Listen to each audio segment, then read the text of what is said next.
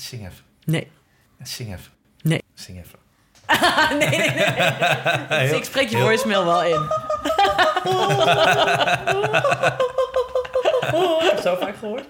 Dus dat. Ja, ik weet al, want ik ben altijd al met mijn stomme shit-opmerkingen de... De opening. De opening, ja.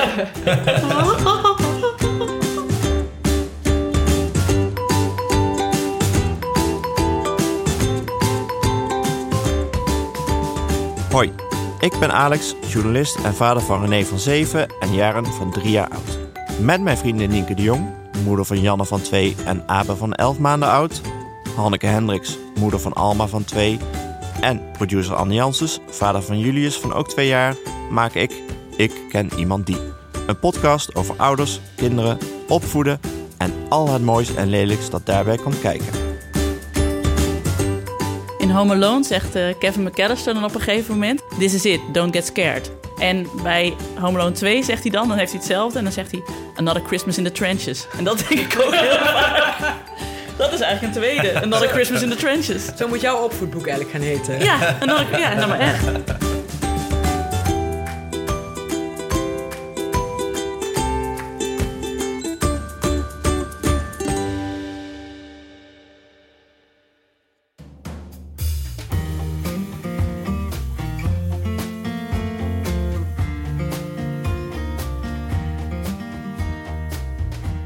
Een poosje geleden namen we de podcast op aan de keukentafel van Lin Berger. Lin is correspondent cultuur en clichés bij De Correspondent. En haar leerzame boek De Tweede ligt nu in de winkel. Daarover later meer. Eerst uitleggen waarom ik dit keer de voice-over moet doen. Ja, moet doen. Dat hebben Nienke, Hanneke en Anne zo bepaald omdat ik er niet was tijdens de opnames wegens de mannengriep. Een fatale ziekte die ik wonderwel heb overleefd. Binnenkort tijdens onze live-opname in de Biep in Goes ben ik gewoon weer van de partij. Dat wordt de eerste opname voor publiek. Kom dus ook. We gaan er een feestje van maken daar in Zeeland. Er zijn nog kaarten beschikbaar en we zouden het leuk vinden als heel Goes ineens vol staat met Ik ken iemand die luisteraars. Kom donderdagavond 7 maart naar Goes. De link voor de kaartjes zetten we in de beschrijving, de befaamde show notes.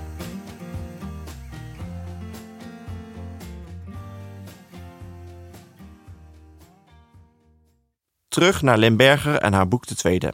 Lin is moeder van Elisa van 5 en Oscar van 2,5 jaar. Toen ze in verwachting was van Oscar, realiseerde ze zich dat er boekenkasten zijn volgeschreven over het krijgen en opvoeden van je eerste kind, maar dat de tweede er zeer bekaaid vanaf komt. Typisch de tweede, hoorden ze mensen wel eens zeggen. Maar wat bedoelen ze dan? En bestaat er wel zoiets als typisch de tweede? Na stapels boeken te hebben gelezen over de tweede, moest Lin concluderen dat er een hoop onzin wordt uitgekraamd over het tweede kind. Tijd om dat recht te zetten. En dus trokken Nienke, Hanneke en Anne naar Amsterdam Noord, waar Lin schalen met nootjes en druiven had klaargezet. Perfect dus voor Hannekes hardloopdieet. Op naar de keukentafel. Ik ben aan het op. Ja, ik hoor mezelf. Oké. Oké.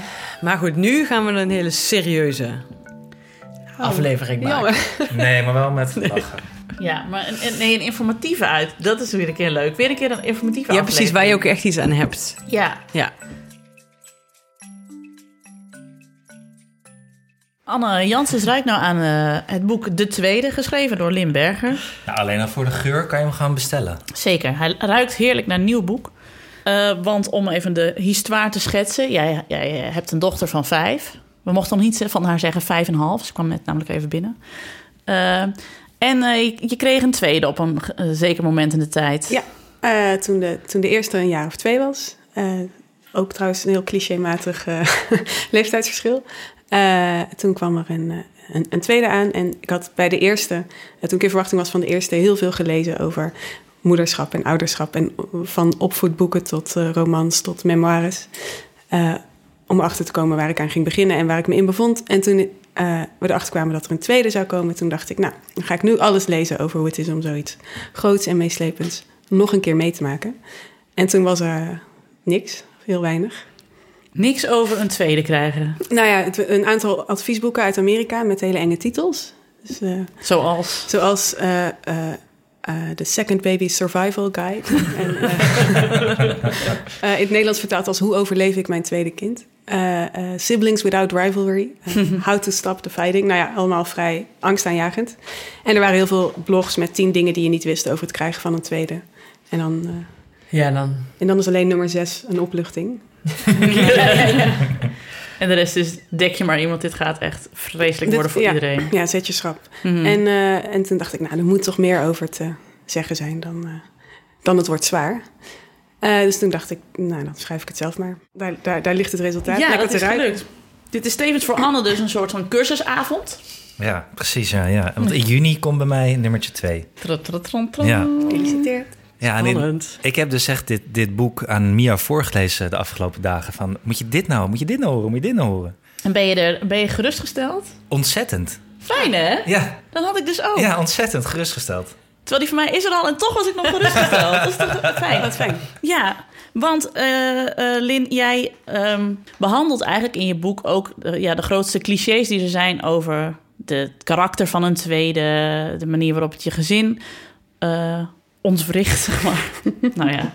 Ehm, Ja, ik blijf ook nog een beetje hangen op hoe overleef je je tweede. Want dat kun je echt heel raar interpreteren. Hè? Maar goed, sorry. Nou, Ja. ja. mijn interpretatie was, eh, ik ben benieuwd wat de jouwe was. Gewoon, de tweede doet waarschijnlijk je gezin de nek om. Eh, en met een beetje geluk, als je dit boek leest, kan je dat nog net voorkomen. Ja, maar zomaar, hoe overleef je je tweede? Want wat, wat je als ouder niet wil, is je kinderen Ah, zo, ja, ja, overleven. ja. Nee. ja, het is inderdaad een beetje ongelukkig vertaald. Ja. Sorry, daar was ik nog over nadenken. Sorry, Nienke. Ja, nee, maar het is ook inderdaad dat, je, dat er met, over de tweede altijd gedaan wordt. Inderdaad, alsof nou dan is alles echt voorbij. Het is waarom mensen dan allemaal een tweede willen.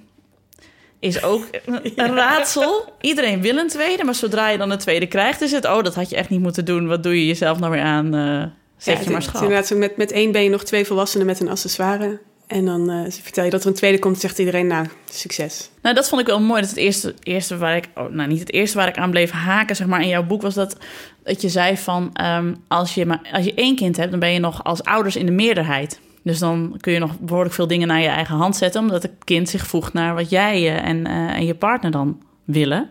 En dat met twee kinderen dat dat dan Ja, dan, gelijk staat, hè? ja, ja, en dan zijn ze vaak, ook, ook, al zijn, ook al ben je dan gelijk, heb ik toch het idee dat zij ook vaak sterker zijn. dat is het sterkere team. Ja. Dat je gewoon eerder denkt als ouders van, nou ja, oké, whatever makes them happy, Hmm. Gaan we nu maar, nu maar doen. Want hoe wist jij dat je een tweede kind wilde, Lin? Ik dacht in het begin, toen de eerste er net was, dacht ik, nou, dat hoeven we niet nog een keer mee te maken. en heel, eh, ook weer cliché, dacht ik na een jaar toch, nou, toen was ze niet meer zo'n klein babytje dat je de hele tijd vast kon houden. Ik dacht, god, het zou toch wel leuk zijn om dat nog een keer mee te maken.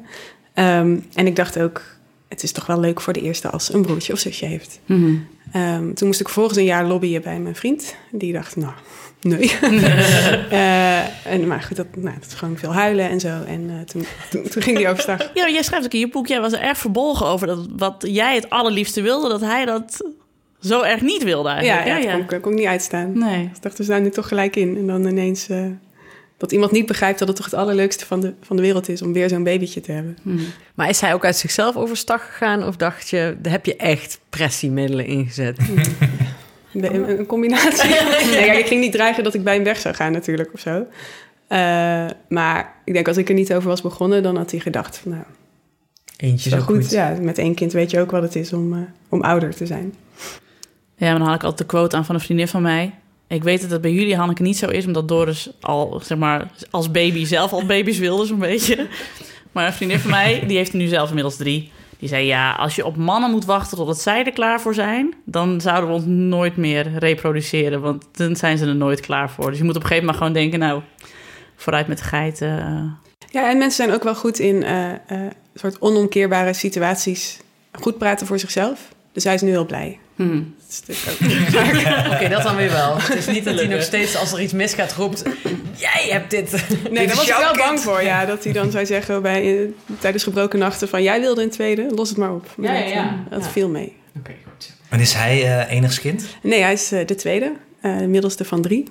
En hij had ook een hele leuke eh, band met zijn zussen. Dus, eh, Oh, Dus daar lag het niet aan. Nee. Het, was niet, eh, ik weet hoe vervelend het is om de tweede te zijn, dus we beginnen niet. nee, nee. Want jij hebt wel een zus. Ja, een jonger zusje, ja. Ja, en die heb jij gewoon gepest. Ja, eigenlijk wel. Ja, daar komt het wel op neer. Zo zag ik het niet in die tijd. Ehm, maar ja, het was een vrij scheve verhouding. Een jaar of vijftien lang. Ja, want daar gaat je boek eigenlijk ook over. Ja, Over je verhouding met je zus. ja. En over... Ik neem jouw rol over, sorry. Is helemaal niet Nee, mijn nee, taak. maar dit is nee, maar nee, nee vertel Nee, dit is dit. helemaal niet mijn taak, Ja, dit. maar- Maak, maak maar op zijn Ja. zin af. Ja. Kom, nee, ik zit even te denken, gewoon. dit is gewoon Nienke. De, ik zit het Ja, helemaal... maar ik eh, vind het heel leuk Ik hoor dat helemaal niet te doen. Ik hoor gewoon op, van de achtergrond te gillen Nee. over gekke dingen. Anne, dit, en dan, is, Anne, dit is en jouw dan- cursusavond. Mag vragen wat je wil vragen. Hè? We zitten ervoor. Bel, bel in. Kom, nee, Anne, zeg nee, het nee, maar. nee. Wat was je aan het zeggen? Ik weet het niet meer. Nou ja, dat, je, dat jij... je- dan neem ik gewoon mijn eigen rol weer op me. Eh, dat jij bij, toen, toen de tweede kwam ineens dacht... ja, maar de relatie met mijn zusje was eigenlijk helemaal niet zo... eh, Precies, goed. dus ik dacht, toen, toen de tweede er nog niet, zich, nog niet in aantocht was, dacht ik, nou, het is heel, ik heb een zus, daar ben ik heel blij mee. Ik gun dat mijn dochter ook. En toen, toen ik eenmaal in verwachting was en er geen weg terug was, dacht ik, eh, ja, dat vind ik nu fijn. Maar dat is ook, nou, laten we zeggen, 15 jaar lang eh, heel vaak niet fijn geweest. Ehm, dus is het eigenlijk wel, is het wel echt zo'n goed idee? Dat vroeg ik me toen af, toen Mhm. het te laat was. Ik weet alweer wat ik wilde vragen. Oh, waar, waar mijn gedachte naartoe ging. Nee, ik wilde weten van, ben je dit boek gaan schrijven... eh, en bedacht je van, dan kan ik mijn relatie met mijn zus ook in meenemen... misschien fi- te fixen? Of is dat gaandeweg het schrijven van het boek... kreeg je de Eh, realisatie van, misschien moet ik daar iets mee? Ja, wel vrij aan het begin van het proces dacht ik, nou, ik ben zelf geen tweede, maar ik wil wel weten wat het betekent om een tweede te zijn. Nou, de, het tweede kind dat ik het langste ken is mijn zusje, dus ik dacht, ga het gewoon aan haar vragen. Ehm, en, nou, en dat heb ik dus ook gedaan. En dat heb je geweten. Dat, dat is wel mooi in het boek, want je, je hoort een beetje haar stem op een of andere manier die zo... "Ah, Ja, nee, hey, ja. Weet je, zo Ja. van, beetje zo van, kom, ze, kom je nou allemaal dingen vragen? Laten we met haar... Weet je, Ja. grappig. Ik heb het net is heel verwerkt. eerlijk Ja, geweest. nee, dus, maar goed, dat is natuurlijk ook de grap dat de vraag, eh, wat betekent het om een tweede te zijn? Dat, dat is een heel algemene vraag. En, maar je stelt hem aan een particulier persoon die dan eigenlijk alleen maar kan zeggen hoe het is om in dit geval mijn zusje te zijn. Ja. Eh, dus dat, ja, antwoorden waren wel ehm, soms wel confronterend. Ja, Ik kan me voorstellen, ja. Ja, want gelukkig weten we eind goed al goed. precies. Ja, en, en denk ik ook dat de verhalen die jij met je, met je zusje had... ook heel herkenbaar zijn voor heel veel broers en zussen. Heb jij broers of zussen? Ik heb drie broers. En ik denk ook wel echt dat mijn jongere broertje... ik scheel bijna twee jaar met hem... hij heeft het soms ook echt wel pittig gehad met mij. We hebben echt wel een goede band. Maar ik sleepte hem wel overal mee naartoe. En hij moest... Hij heeft, ja... Mensen dachten dan ook van... oh, het is een broertje van Jaap en Heide en Nienke... dus hij reageert zo en zo. Terwijl hij was een heel eigen persoon...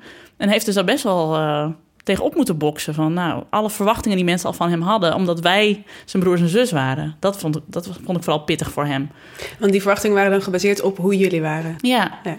En wij waren eh heel erg eh, ex- extrovert en heel erg eh, aanwezig. En kon je alles wel vragen.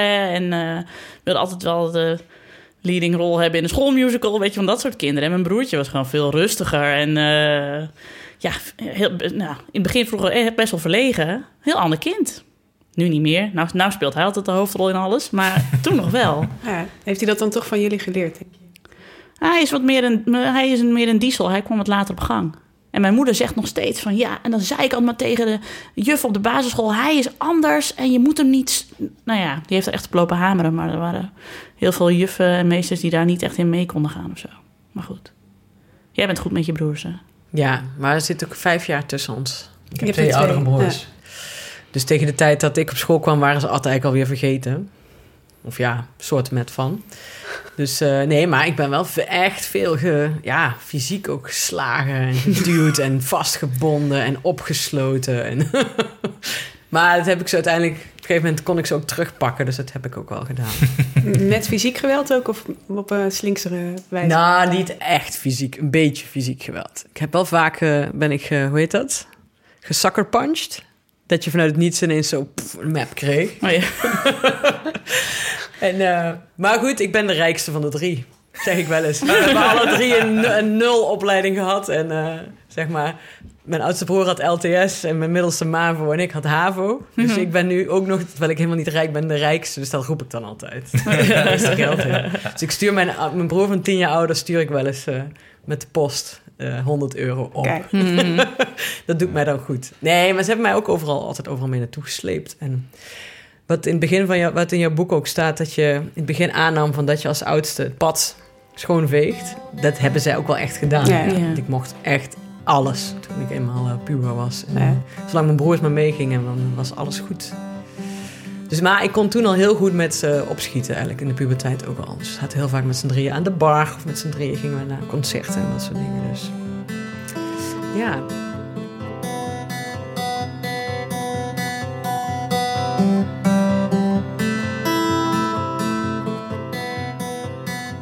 Ik hoorde van mijn ouders en mijn broer dat ik als de jongste best irritant kon zijn voor mijn oudere broer en dat ik er ook een handje van had om te manipuleren door strategisch te gaan huilen. Nu kan ik het eens van de andere kant bekijken en zie die strategie ook bij onze tweede terug. Net als het geklier waar de oudste soms last van heeft. Ik snap nu een beetje beter wat mijn oudere broer heeft meegemaakt.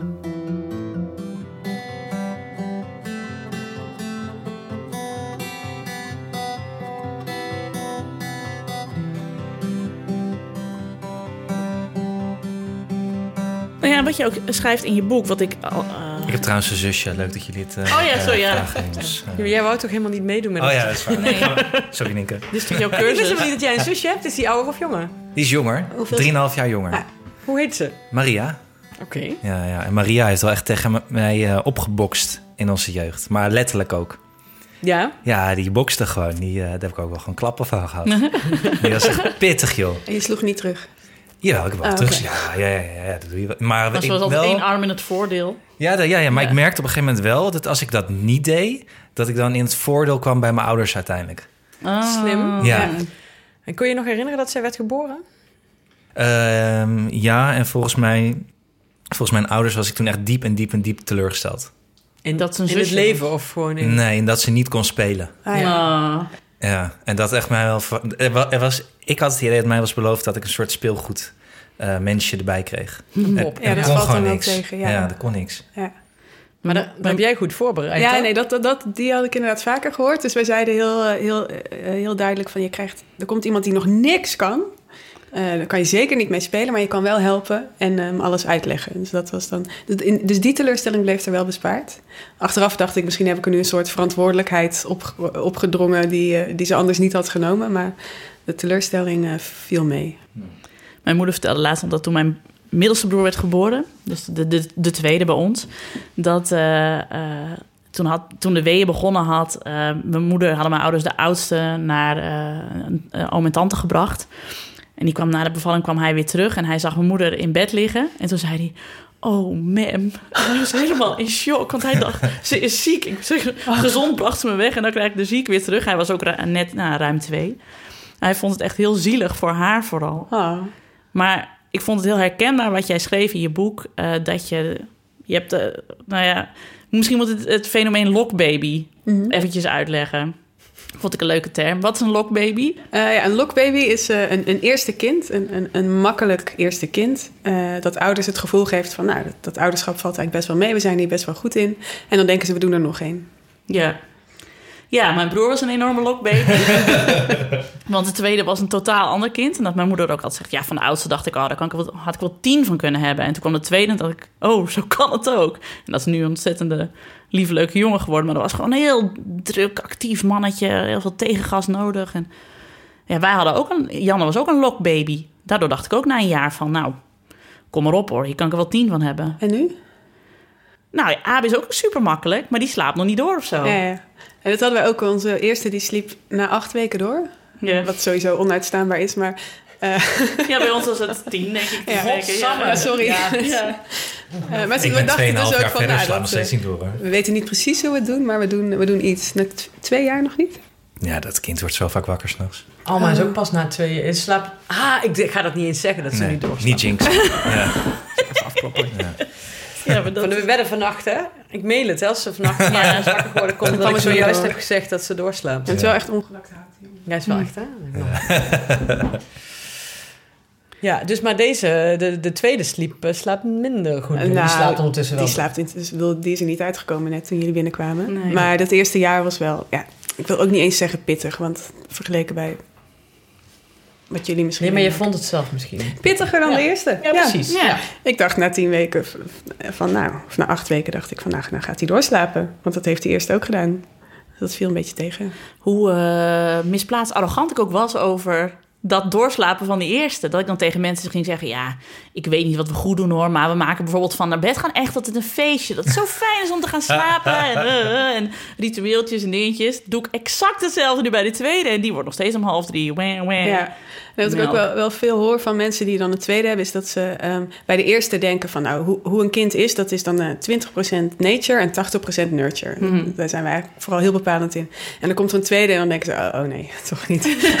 het is 90% uh, nature en, en wij kunnen in nog een beetje jaar bij. sowieso. Nurture In het eerste jaar ligt het... Ik dacht ook... Ik, natuurlijk, vooral als je nog geen kind hebt... dan ben je, heb je heel veel meningen over hoe je het moet doen. En dan ben je ook heel consequent, vind je zelf. Ja. Of ga je worden. maar eh, nee, wij hadden eentje die... Nee joh, het, is, eh, het sliep niet. En eh, veel huilen. Geen huilbaby, maar... eh, maar mijn, mijn broer had precies het anders. Die, heeft- ik, wij willen wel een tweede, maar dat is nog niet gebeurd. Eh, maar mijn broer had dus de eerste, was echt een lokbaby inderdaad. Sliep goed, eh, altijd blij. Een Rust, heel rustig kind. Als ik daar binnenkwam, zat hij gewoon een boekje te lezen, weet je wel. Terwijl mijn dochter, als je een deur openzet, is die verdwenen voor goed, weet je wel.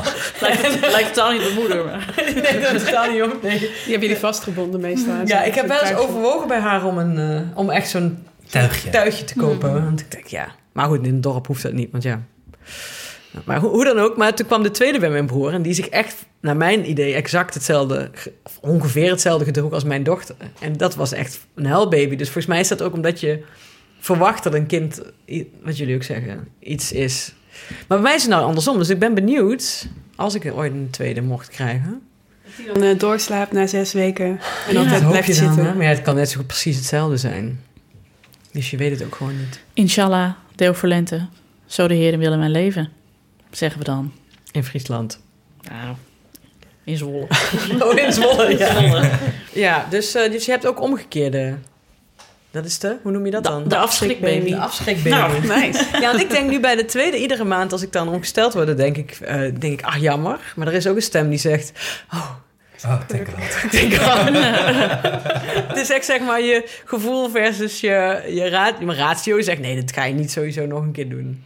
In Home Alone zegt eh, Kevin McAllister dan op een gegeven moment... dan heeft hij dus die hele plattegrond uitgerold... omdat hij dan het hele plan heeft gemaakt voor als de boeven komen. En dan zegt hij, this is it, don't get scared. En daar moet ik altijd aan denken, want dat is het. Dan heeft hij net die macaroni gegeten met het glas melk ernaast. Dan rolt hij hem uit en zegt oké, this is it, don't get scared. En bij Home Alone 2 zegt hij dan, dan heeft hij hetzelfde... en dan zegt hij, another Christmas in the trenches. En dat denk ik ook heel vaak. Dat is eigenlijk een tweede, another Christmas in the trenches. Zo moet jouw opvoedboek eigenlijk gaan heten. Ja, another, ja nou maar echt. Maar kun je iets vertellen eigenlijk nog over de, over de volksverhalen die er leven rondom de tweede? Ja. Eh, ja, Eh, en, maar misschien is wel een goede eh, ingang daarvoor. Dat ik dan wel benieuwd ben als jij elke keer dat je ongesteld bent, toch eigenlijk opgelucht bent. Dus je denkt, rationeel wil ik dit eigenlijk niet. Maar waarom, waarom wil je het dan toch? Ja, precies. Daar was eigenlijk ook nog in jouw boek ook niet per se een antwoord echt op. Hè? Nee, dat is gewoon omdat je dat dan. Nou, ik heb het al eens in, eerder gezegd. eh dit is net als dat je überhaupt een kind wil. Het is een soort. Is te vergelijken met. Ja, toch met dat je verliefd bent of de liefde wilt. Terwijl je eigenlijk weet dat het allemaal gezeik is en gedoe en. Oh, weet je wel. Maar je wil het dan toch. Het is toch een existentieel iets. Waar, waar, wat in ieder geval niet rationeel werkt, laat ik het zo zeggen. En inderdaad, het speelt ook mee omdat ik zelf eh, eh, het goed met mijn broers kan. En ik veel aan mijn broers heb. En ik denk dat dat goed, inderdaad ook goed is als je een bondgenoot hebt. Maar goed, in jouw boek stond ook dat eh, als je heel goed met je broers kunt, of met je, met je broers en zussen kunt opschieten, dat het dan best mogelijk is dat je te weinig aandacht. Wat, hoe schreef je dat Ah nou? ja, ja dat, oh, dan gaan we even af van jouw eh, vraag. Oh, sorry. Maar, eh, Ah ja, ik ben het gewend. Hij knipt en plakt het wel in Ja, zijn eigen ja. volgorde, maar. Het wordt een Of we fantastisch antwoord op mijn vraag uiteindelijk. Terugkomen hoor. Maar... Ehm, ja, nee, maar dat was inderdaad was een studie gedaan. Hadden ze aan eh, moeders van twee kinderen gevraagd hoe ze terugkeken op hun eigen band met hun broer of zus. Eh, en ze hadden ook gekeken naar hoe, hoe hun kinderen met elkaar omgingen. En de moeders die ehm, eh, een soort ja, warme herinneringen hadden aan hoe het in hun jeugd was geweest. De kinderen daarvan die maakten meer ruzie met elkaar dan de kinderen van moeders die juist slechte herinneringen hadden aan het opgroeien met een broer of zus. Eh, en de verklaring daarvoor was dat als het allemaal heel fijn is geweest, dat je dan denkt van nou, het zal wel loslopen. En dat je dan dus als moeder niet echt je best gaat doen als je kinderen ruzie maken om dat op een constructieve manier op te lossen. Dat je niet moeite doet om een warme band te stimuleren. Uh, terwijl juist wanneer je um, nou ja, elkaar twaalf jaar de kop hebt ingeslagen, dan ga je gewoon alles op alles zetten om dat te voorkomen. En dat werkt dan dus ook. Oké. Blijkbaar. Ja, wat dat betreft moeten we ontzettend op ons kiwi zijn nu, hè? Ja, ja. maar de, zodra je dat dan weet, ja. kan je dus alweer compenseren daarvoor. Ja. Bedankt dat je dat hebt uitgezocht. Dit kan, een, dit kan een paar eh, ritjes naar de psycholoog uh, schelen voor de Abe in ieder geval. Ja, kijk, ze gaan sowieso naar de psycholoog. Hè? Dus het is gewoon, de vraag is voor wat. ja, precies. Dat, zeg ik ook altijd. Als iemand dan zegt, ja, ben je niet bang dat ze dit en dit... Dan zeg ik, oh, maar dat hoor ik dan wel als ze 26 is en in therapie zit. Dan krijg ik het wel weer teruggegooid in mijn gezicht. Mhm. Maar goed. De vraag over de volksverhalen gaat zo echt behandeld worden. Maar eerst een kleine pauze en een boodschap van onze sponsor, HelloFresh. Namens Anne deel ik mee dat de farvalje met spinazie prijsaus en groene pesto, een van de gerechten die hij de vorige keer in zijn box had, in goede aarde viel bij Julius. Mooi, dan heeft hij nu naast pizza en raketjes een extra maaltijdoptie. Hanneke pakte het uitpakken van de HelloFresh aan om een unboxingfeestje met Alma te vieren. Oh, kijk nou! Wat zit erin? Wat is dat? Pannenkoeken. Het lijken net pannenkoeken. Dat zijn uh, pita broodjes. Een sausje. Sausje, ja.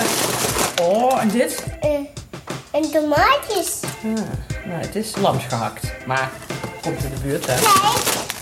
Oké. Okay. Ah. Kijk, courgette. Courgette's, goed zo. Dat heb je onthouden. Kijk. Wat zijn dat? Oh, mannen. Eh? Uh, uh? Het is best moeilijk. Aardappelen. Ah, aardappelen. Maar die zitten in een netje van de mandarijnen. Jeetje. Jeetje, ja. Mag, mag ik wel weten? Dat is dat paprika. Nou, daar kunnen we zo wel wat, wat, wat van nemen. De gebakken zalmfilet met dille Minus de rode paprika. Even kijken. Ik heb echt... Dit is veel. Ja. Hier, nog één. Doei. Oké, doei. Wil je ook uitpakfeestjes vieren en er wekelijks heerlijke maaltijden op nahouden? Ga dan naar hellofresh.nl slash podcast. En dan ontvang je 50% korting op je eerste box. hellofresh.nl slash podcast.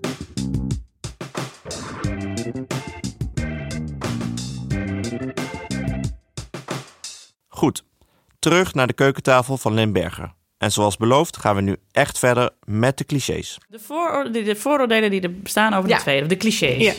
Ja. Um, nou, er zijn, uh, er zijn er een aantal. Uh, dus wat, wat, die titels van die zelfhulpboeken ook al zeiden... is het idee dat de komst van een tweede uh, enorme jaloezie veroorzaakt bij de eerste... en heel ontwrichtend en traumatisch is.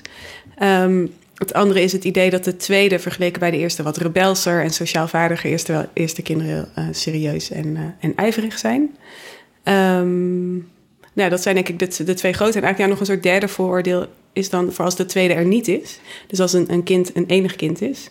Um, het idee dat die dan uh, egocentrischer, verwender en, en sociaal onaangepaster zijn dan kinderen die opgroeien met, met een broer of zus. Dat zijn denk ik de, de drie grote mythes. Je hebt ze allemaal uh, grondig onderzocht. Ja. En wat blijkt? Nee. Uh, ja, nee, dus, dus, er is veel onderzoek gedaan naar enig kinderen, waarin ze dan de, de persoonskenmerken van enig kinderen vergelijken met die van kinderen met broers of zussen. Nou, er valt, je kan echt niet zeggen dat, er, dat daar grote verschillen in zijn. Um, het idee dat de eerste uh, zeg maar, Freud noemde, uh, zei dat wanneer iemand een broertje of zusje krijgt, dan wordt hij ontroond. En dat is echt eigenlijk gewoon de eerste, het eerste grote trauma waar je de rest van je leven uh, voor bij de psych psycholoog zit. Ja, um, maar goed, dus dat is, dat is ook wel een van de redenen dat die boeken van die enge titels hebben. Is dus dat we, nou, zeg maar, een jaar of 100, 150 dat verhaal hebben gehoord van het is heel, heel erg voor een eerste als die niet meer op de eerste plaats staat. En sinds de jaren tachtig zijn psychologen gewoon gaan kijken naar gezinnen waar een kindje bij komt van wat gebeurt er dan met die eerste. En dan zien ze wel, ja, die heeft soms wat gedragsproblemen, kan wat regressief gedrag vertonen, kan wat agressiever worden. Maar in de meeste gevallen is dat na vier maanden voorbij. Um, en, dus, en, en, een leven lang trauma is al helemaal, uh, nou ja, een, een fabel. Ik denk dat dit zo'n opluchting is voor heel veel mensen om te horen, omdat je toch, volgens mij, alle mensen die zwanger zijn van een tweede denken op een gegeven moment... oh, wat erg voor de eerste, die heeft nergens om gevraagd... en ik dring dit maar Dacht aan jij hem dat of haar. Dacht jij dat? Ik dacht echt van, aan het einde van mijn zwangerschap... toen ik eh, van de hormonen... zeg maar, om- nou, het viel wel mee hoor, ik was niet zo hormonaal... maar wel, toen heb ik echt aan gedacht van... jeetje, wat doen we haar aan, hè? Want zij heeft er niet om gevraagd. En helemaal toen ik net was bevallen op de, de kraamtraandag... heb ik alleen maar gehuild om wat ik Janne had aangedaan. Niet om eh, de rest. Nee, en ook niet om die tweede dus. Helemaal niet. En, en Janne heeft, die vond het fantastisch. Vanaf dag één, die heeft nul... Als, die, was dan, die mokte dan wel eens in de kraamperiode. Bijvoorbeeld als ze dan uit het KDV kwam en ze wilde bij mij hangen... en ik had net Abe aan de tiet, dan was ze pissed off. Maar op mij, hè, niet op hem. Ze snapte prima wat er aan de hand was met hem. Dat hij gewoon even moest drinken. En dan hing ze gewoon aan mijn andere kant, zeg maar. Eh, dus ze, ze heeft hem nooit iets kwalijk genomen. Maar ik was ook al, ik had mezelf al helemaal ingegraven van, oh ja, we hebben ook een cadeautje voor haar als hij is geboren. En we gaan haar helemaal meenemen in dit proces om het allemaal zo smooth mogelijk te laten verlopen. Nee, maakt niet uit. Nee, ja, nou ja, de vraag, maar dat vind ik wel interessant. De vraag is dus, maakt het niet uit? Of hebben jullie iets goed gedaan door die angst?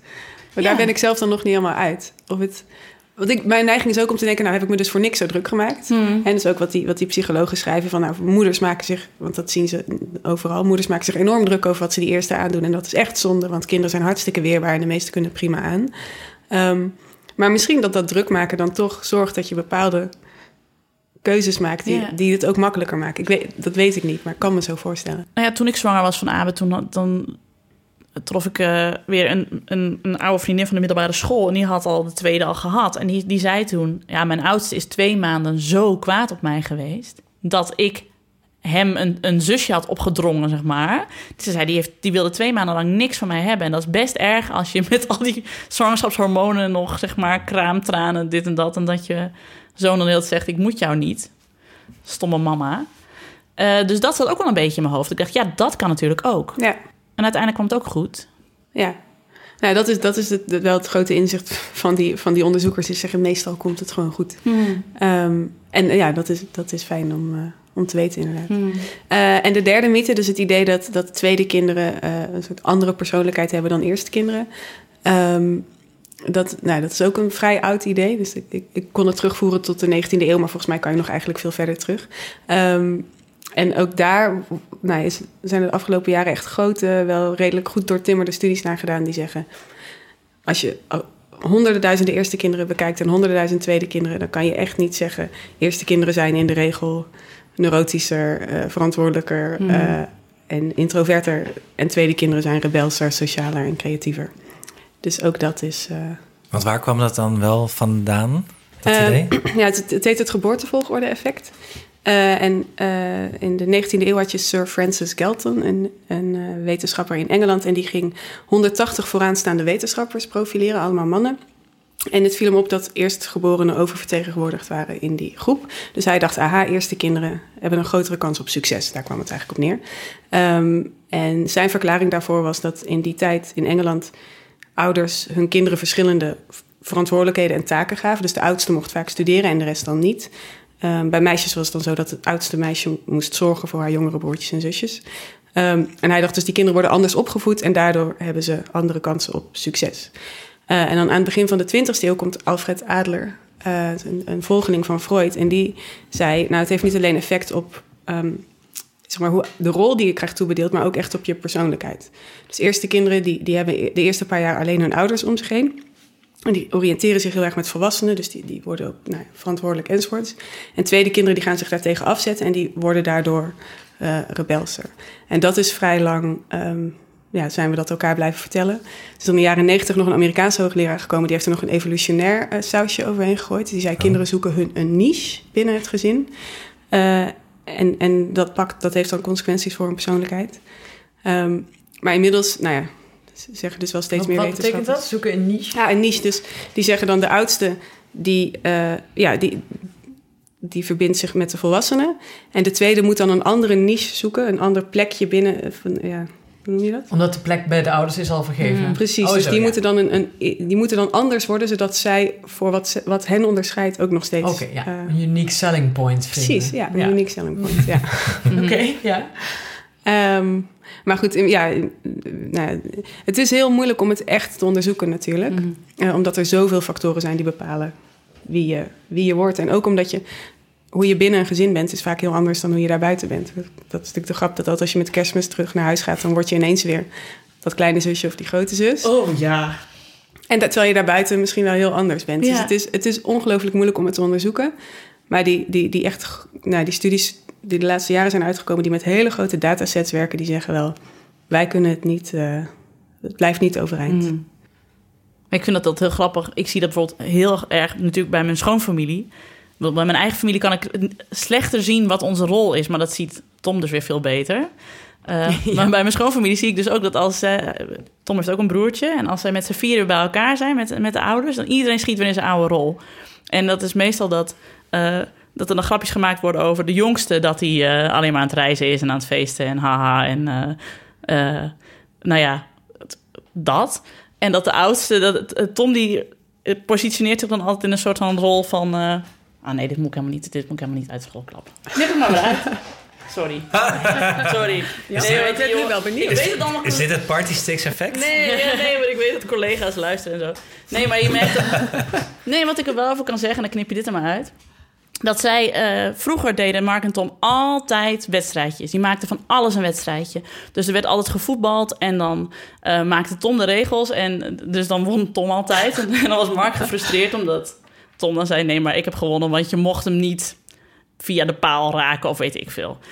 Eh, en nu, als ze bij elkaar zijn, zijn dus 32 en 30. Maken nog steeds overal een wedstrijdje van. Dus toen we afgelopen kerst de All You Need Love kerstspecial zaten te kijken... en dat was even reclame... toen hadden ze met twee- vier bier- bierveeltjes meteen weer twee goaltjes gemaakt voor, voor de stoelen.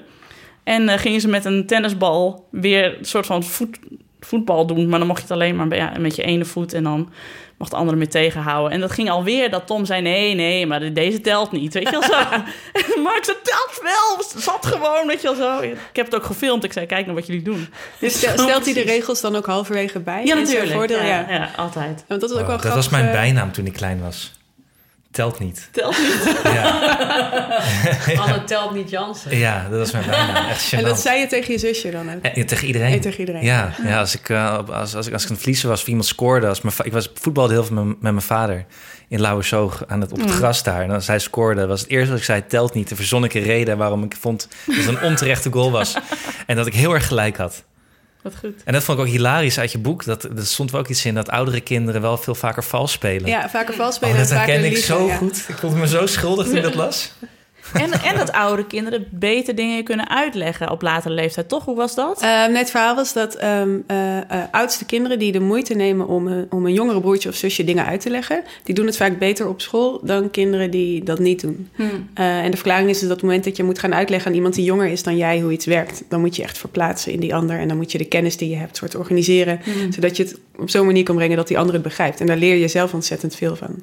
Dus het kan wel ja, voordelen hebben voor je schoolprestaties als, je, als je die moeite neemt. Ja, want dat was sowieso eh, een feit. Dat, of tenminste, een, een, een onderzoek dat jij ook eh, nadrukkelijk hebt eh, bij de horens hebt gepakt. Maar dat of oude kinderen slimmer zijn dan tweede kinderen, hè? Eh, ja, nou, uit veel studies komt naar voren dat de oudste gemiddeld een iets hoger IQ heeft dan, Drie punten. dan de tweede. Ja, twee à drie punten. Dat is niks. Dat, zeg maar, daar merk je echt alleen maar iets van op een IQ-test. Eh, en het is ook nog gemiddeld, dus dan kan je ook nog steeds een tweede hebben die een hoger IQ heeft dan een eerste enzovoort. Ehm, maar dat is inderdaad wel iets wat uit heel veel studies naar, naar voren komt. Ehm, en de verklaring daarvoor is dat, eh, er zijn er meerdere voor, maar eh, de twee belangrijkste zijn dat de oudste heeft zeker in de eerste paar jaar alleen maar met volwassenen te maken. En die zijn een stuk cognitief stimulerender dan een peuter. Mhm. Waar een tweede de eerste jaren van zijn leven ook vooral mee te maken heeft. Ehm, en de andere verklaring is dat ouders ook bij een eerste kind meer moeite doen om voor te lezen, te oefenen met vormpjes en kleurtjes. En dat schiet er bij een tweede dan toch wat vaker bij in. En dat je dat dan dus terugziet eh, op een IQ-test. Ja. Ja, dat vond ik ook zeer eh, confronterend. Wij kwamen er na negen maanden bij ABO ook een keer achter van. We zeiden, oh, toen lazen we Jan echt al lang echt heel veel voor. En bij hem waren we het gewoon een beetje vergeten. Van, oh ja, hij vindt dat ook waarschijnlijk al leuk. Dus nu doe ik dat braaf elke avond. Ja, want volgens mij is dat inderdaad... Want iemand die ik ken, die heeft de derde... Die vertelde over haar derde. dat ze op een gegeven moment hè, hè, ging zitten zo in de woonkamer. En ze dacht, ze, dit is echt waar. En toen ging ze zitten en ze zette tv aan. En op een gegeven moment hoort ze iets in de keuken. En toen zat die derde nog gewoon in de ze, oh, hè? Ik dacht dat ik jou, zit je nog hier? En hij is heel blij. Hij is ook een super rustig kind. Maar hij moet wel rustig zijn, want hij wordt gewoon pertinent vergeten, weet Ja. je wel? Vrienden van mij ook met een derde, die zeiden ook van... ja, bij deze gaan we niet meer zo heel erg op die slaapjes letten, hoor. Dat doet ze maar gewoon een beetje in de wagen. Want ik heb zelf gewoon geen zin meer om daar voor thuis te blijven. En dat vindt deze derde ook prima. Dat is ook zo'n lekker rustig, relaxed kind. Ja, die heeft geen keus. Nee, die moet wel zo Dus zijn. Volgens mij is dat ook helemaal niet zo'n ramp, hoor. Maar... Nee. Ach ja, whatever, floatje. Nee, ja, tenzij je heel graag eh, die drie punten op die IQ-test eh, erbij wil hebben. Als je daar aan hecht. Kleine zijstap, maar Nienke, van jou moest ik eh, in een van de vorige afleveringen de spijlen van jullie bed weghalen. Want jij zei dat hebben jullie gedaan. Ja. En dat werkt, dus dat heb ik gedaan. Maar ik was me dus vandaag ook even kwijt, voordat ik hier naartoe ging. Toen lag ik aan te slapen in zijn bed. Nou, Was hij er zelf in gaan, eh, goed. in gaan liggen? was hij zelf gaan slapen? Hij lag gewoon in zijn bed. Een modelkind. Hanneke, nou ja, hij is, Hanneke- hij is al een paar dagen... Weer, elke keer als ik ga opnemen is Julius ziek. Hij is Ja. nu ook weer ziek. Oh shit. Ja, oh, niet eh, zeggen, want dan wordt Anne wordt- wordt ook steeds ja. ziek als jij zegt dat Julius ziek Maar jij hebt ook, de, ik las op Twitter, dat jij ook de spijler er hebt uitgehaald. Ja. Ja, ze heeft, een, eh, ze heeft een groter bedje gekregen. Dat hadden we al heel lang op zolder. En we dachten, ik weet niet, we dachten, nou is het wel tijd. En eh, toen vond ik er dus... eh, maand, op maandag ben ik altijd thuis. En eh, toen op een gegeven moment... Ik had er in bed gelegd. En ik dacht, op een gegeven moment hoorde ik een deur slaan. Toen dacht ik, dat kan nog de wind zijn. En toen hoorde ik daarna gestommeld. Toen dacht ik, nee, nee, nee. dus ik loop zo naar boven. En ik zie echt bij het... Stond ze op de gang echt zo verschrikt. Zo als verstijfd van shit, ik ben betrapt. Zo helemaal onder de pseudo-crème. Wauw, naakt. Weet je, had ze mijn luier nog wel aan hoor, maar eh, ze had alles uitgetrokken. En, eh, dus ik werd eh, ik mopperen. Dus toen, eh, maar toen is ze daarna ook wel echt. Toen is ze daarna maar gaan slapen, maar ik moest wel even boos worden.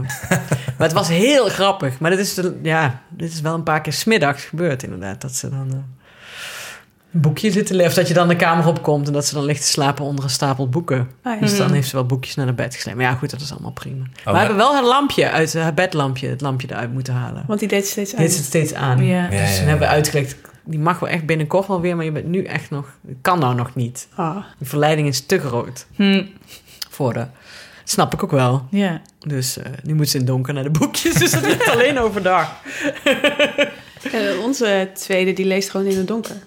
Tenminste, ik weet niet of die leest, maar hij zit echt in het donker door zijn boekje te bladeren. Oh, heerlijk. Ja, ah. Omdat wij hem niet zoveel voorlezen, doet hij het ja, precies. Dat was ook leuk in jouw Ja. boek, ja. Dat jij tegen hem zegt, nou gaan we samen lezen. Dat hij heel blij een boekje gaat pakken en dan Ja. jou een boekje geeft en dan zelf in zijn eigen boek gaat. Ja, heb ik nog, nee, nee, zal ik jou voorlezen? Nee, en draait ze met zijn rug naar me toe gedraaid.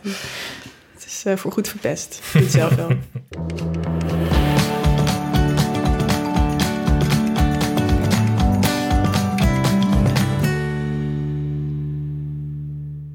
Waar ik ook echt enorm eh, nou ja, over na lopen denken... is de verwachtingen die je hebt van je kind.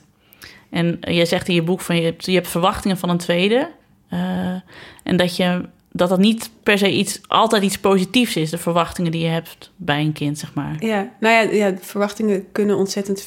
Dat vind ik zo, zo interessant aan verwachtingen. Het, zijn, het is eigenlijk niks, weet je. Het is gewoon een idee wat misschien of wel of niet uit kan komen. En tegelijkertijd hebben ze ontzettend veel eh, effect. Ehm, en nou, je hebt sowieso, dat is het Pygmalion-effect... waarbij als een docent denkt dat bepaalde leerlingen slimmer zijn dan de rest... dan worden die leerlingen ook beter. Ehm, dus verwachtingen hebben echt invloed op, op onze kinderen. En de verwachtingen die we hebben van een tweede zijn vaak op van alles gebaseerd. Dus op hoe de eerste was, dus de, hoe de lokbaby was. Eh, op al die soort algemene waarheden die door de ether zweven over hoe tweede kinderen zijn. Eh, maar ze zijn vaak niet gebaseerd op hoe de tweede zelf is. Eh, alleen kunnen ze die tweede wel beïnvloeden. Dus als één voorbeeld, dat was een studie van een paar jaar geleden... hadden ze aan ouders van twee kinderen gevraagd... van wie, wie van jullie kinderen is het, doet het het best op school... En dan zeiden, eh, zei de meerderheid van die ouders, zei de oudste doet het beter op school. Dan gingen ze kijken naar die rapporten en dat was vaak helemaal niet waar. Ze waren even goed of de jongste deed het misschien wel beter. Ehm, maar je vraagt het ouders natuurlijk op een bepaald moment in de tijd. En dan, dan zien ze, nou die oudste kan al rekenen en die jongste kan nog niet tellen. Dus die oudste is beter. Dat is een soort de, de, de rare vertaalslag die je maakt. Vervolgens gingen ze een jaar later en ook twee jaar later opnieuw kijken naar de rapporten van die kinderen. En als de ouders dachten dat de oudste beter was, dan was die er ook meer op vooruit gegaan dan de jongste. Dus die, die verwachtingen die die ouders hadden, die hadden wel echt een effect. En dat Mhm. vertaalde zich dan waarschijnlijk in soort hele kleine gedragsveranderingen. Dat ze die oudste wat vaker aanspoorden om huiswerk te maken. Eh, of tegen de jongste misschien wat vaker zeiden, ja, ga ook maar spelen. Ehm, maar dat, vond- ja, ik vond dat wel echt zo'n eye-opener. Dat ik dacht, zonder dat je door hebt, kan je zoveel Ja, sturen. Ik merkte dat heel erg, want Janne is heel, heel erg verbaal, heel sterk. Die was al, al heel jong, kon ze al heel goed duidelijk maken wat ze wilde. En eh, die sprak gewoon heel snel. En ik heb me dus altijd bij Abe voorgenomen van... oké, dat is niet de norm, weet je. Je moet dat loslaten. Dat is, hij, hij zit waarschijnlijk heel anders in elkaar. Dus denk daar maar niet te veel over na of zo. Verwacht niet te veel van hem. En afgelopen vrijdag deed ik mee aan een onderzoek van de Universiteit Utrecht. Daar doe ik met Abe al sinds de 20 weken echo aan mee. Eh, en dan kijken ze heel erg naar eh, zijn hersenontwikkeling. En dan moet hij dus een, middag eh, in, een, in een lab zitten. En dan krijgt hij zo'n muts op met van die plakketjes. Gaan ze zijn hersenactiviteit meten. En hij moet, ze gaan zijn eye, ze gaan eye-tracking onderzoekjes doen. En ze doen ook een onderzoek ehm, waarbij ik met hem moet spelen. En dan filmen ze hoe wij op elkaar reageren of wat ik hem aanbied of dat soort dingen. Hoe onze interactie is. En we hadden dat gedaan. En ze zetten eh, alles stop, die onderzoekster. En die zegt, wat is hij verbaal al goed zeg? En ik zo, huh? Eh, oh, ze zei, ja joh, hij, zit- hij zit jou heel erg al na te praten. En hij probeert zelf wel duidelijk te maken wat hij wil. En hij gebruikt nog niet veel woorden, maar je hoort wel dat hij daar heel erg mee bezig is. Toen dacht ik, ja, zie je wel. Ik heb dat zo losgelaten. Ik heb daar nul verwachtingen van gehad. En daardoor heb ik helemaal niet ingezien dat hij... dat we weer zo'n kind hebben, zo'n snelle. Maar ik vind hem alsnog... heb ik het gevoel dat hij slomer is dan zijn zus. Ah. Erg, hè? Terwijl, Hij is waarschijnlijk net zo snel. Maar dat ik altijd zeg, oh ja, nee, Janne die kon haar eigen naam al zeggen. Nou, toen was ze nog geen jaar oud. Toen- Toen zei ik ben ja, Janne. Nou ja, hij heeft nog twee maanden de tijd. Maar het kan best zijn dat hij dan ook wel weet dat hij AB is. Of dat hij dat kan zeggen. Maar ik dacht dus dat hij nog helemaal niet zo ver was. Ja, maar ook dus dat je inderdaad denkt, hij heeft nog twee maanden de tijd en dat is een grapje, dat snap ik Ja. ook wel. Maar ergens, ik weet dat onze eerste werd geboren op de uitgerekende datum. En op de uitgerekende datum bij de tweede dacht ik, nou, hij is dus te laat. Meteen. Ja, kwaad ook. Van, maar dus dat, het, het, je weet dat je ze niet moet vergelijken, maar het, is, het gaat zo vanzelf. Het kan niet anders. Of je, ja, je wilt het niet en je probeert ze allemaal met een frisse blik te bekijken. En goh, benieuwd hoe jij in elkaar steekt. Maar ja, het is toch weer een product van, twee dezelfde, van dezelfde mensen. Dus natuurlijk vergelijk je het een beetje. Maar ja, Ja. Ja, en je hebt een referentiepunt. ja, Dat altijd zo die twee of drie jaar voorloopt. ja. of die tweede. Ja, dat, vertelde je ook. dat vond ik een interessante scène in het boek. Dat je bij een... Wat, wat, wat voor middag was dat? Of een dag, een cursusdag of zoiets? Ja, ja, ook voor ouders met eh, twee kinderen. Ja, twee dat, of meer. Daar zijn dus ook echt cursussen voor. Ja, ja, ja, ouderschap is ook gewoon een markt natuurlijk. Ja, Dus, precies. eh, maar dit was wel specifiek voor met tweede kinderen ja, omgaan, toch? eh, nou, het ging over rivaliteit tussen broers en zussen. Ah, en hoe je daar als ouders mee om moet gaan en hoe je dat moest voorkomen inderdaad. Ja, maar dat je heel snel besefte dat je moest eh, aan iemand beschrijven hoe je twee kinderen waren. Ja, En dat je ineens merkte, holy shit, ik ben ze aan het beschrijven ten opzichte van elkaar ja, eigenlijk. ja, dus ik zei inderdaad, nou, de eerste is eh, eh, slim en lief en grappig. En de tweede is eh, vrolijker, stabieler. Het, Ja, wordt ja, ja. ten opzichte van de eerste inderdaad. Ja, en dat en andersom een- gaat het ook vaak. Ja, dat was meteen een valkuil eigenlijk, toch? Ja. Van, die, van die les. Ja, ja. Dus wat, wat, die, eh, wat die, die. Ik vond het... Ik ging een beetje sceptisch heen. Ik dacht, ja, een cursus omgaan met ribben. Maar ik vond het eigenlijk ook gewoon best wel leerzaam. Ook Ja. hierdoor, dat ik dacht van... Ah ja, het zit, al, het zit er zo diep in dat ik het niet eens door heb. Ehm, en, en wat die, wat die lerares zei... van, ja, op het moment dat je je kinderen met elkaar gaat vergelijken... eh, dan creëer je eigenlijk als vanzelf de voorwaarden voor rivaliteit. En eh, bijna maak je er dan een wedstrijdje van. Mm. Nou ja, kijk, eh, Elisa heeft de bord al leeg en eh, Oscar eh, zit nog te, te klungelen. Oh ja. En voor, als je dat te vaak doet, voor je het weet, heb je gewoon twee campanen. Eh, of kan je de een het gevoel geven dat je die eh, minder lief of wat dan ook vindt dan de ander. Ehm, terwijl als je dat gewoon niet doet, als je gewoon naar je kind zelf kijkt, zoveel mogelijk. eh, en niet hoe die, hoe die afsteekt bij de ander. Dan heb je dat, loop je dat risico veel minder snel. Ja, dat was wel echt een belangrijke les uit je boek waarvan ik dacht, oh, die moet ik echt in mijn hoofd gewoon eh, prenten. Van dat, dit moet ik onthouden. Dus jij Mia wakker maken. Nou, wat Ja. ik dus nou heb gelezen. ja. Zijn boos. Schrijf je even mee.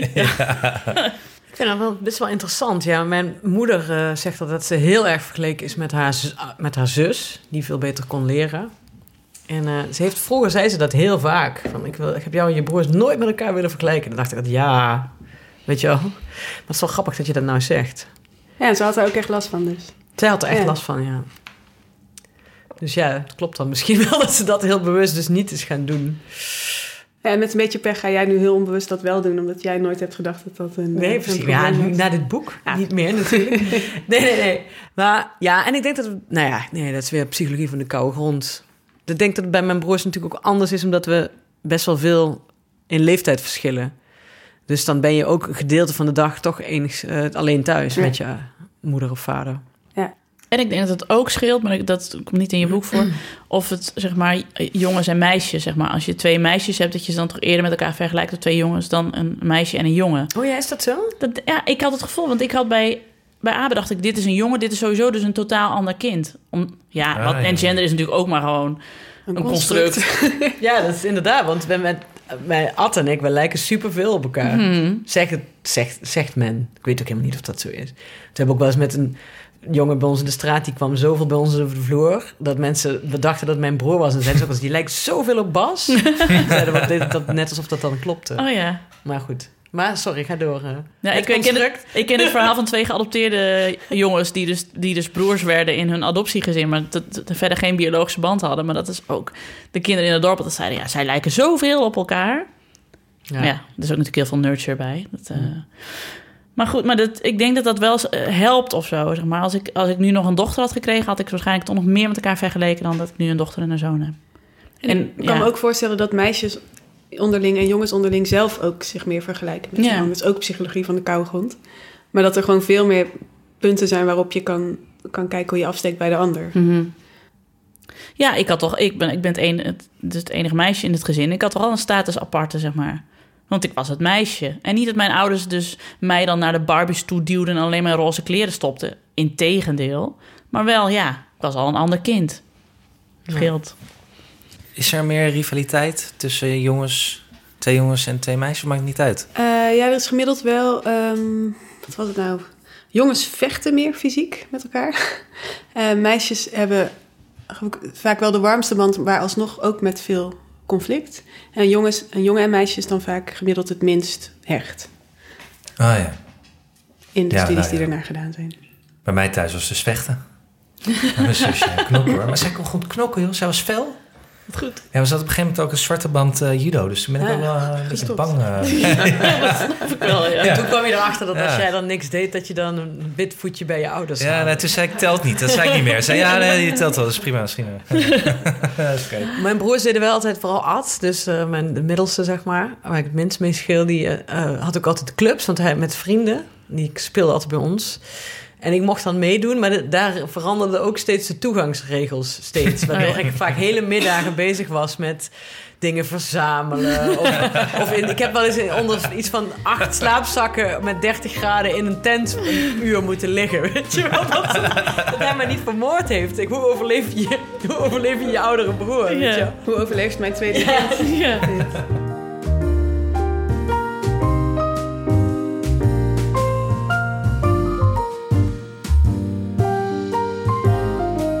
Ik heb trouwens zelf ook nog wat te melden over de tweede.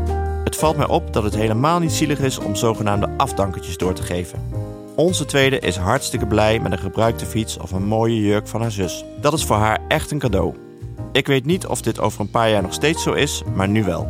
Dat dit allemaal nieuw moet zijn, zit echt meer in het hoofd van ouders.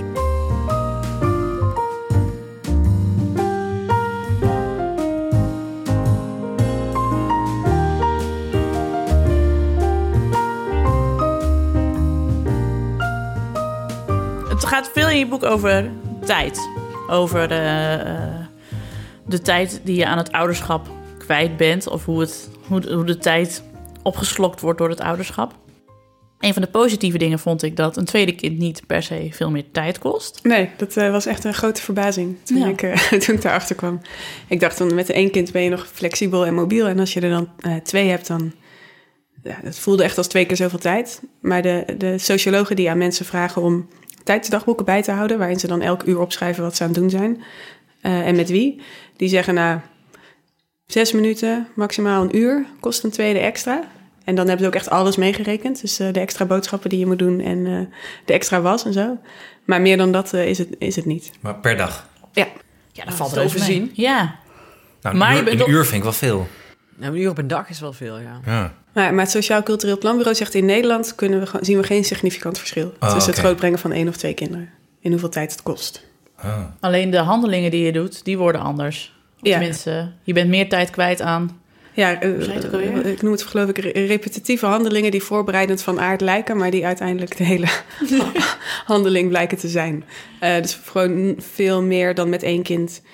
Luiers verschonen, jassen dichtritsen, jassen weer openritsen, laarsjes aan, iemand achterna zitten. Die soort routine dingen die, waarvan je denkt, die, die doe ik zodat we echt iets leuks kunnen gaan doen, maar, maar dat, dat blijkt het dan te zijn.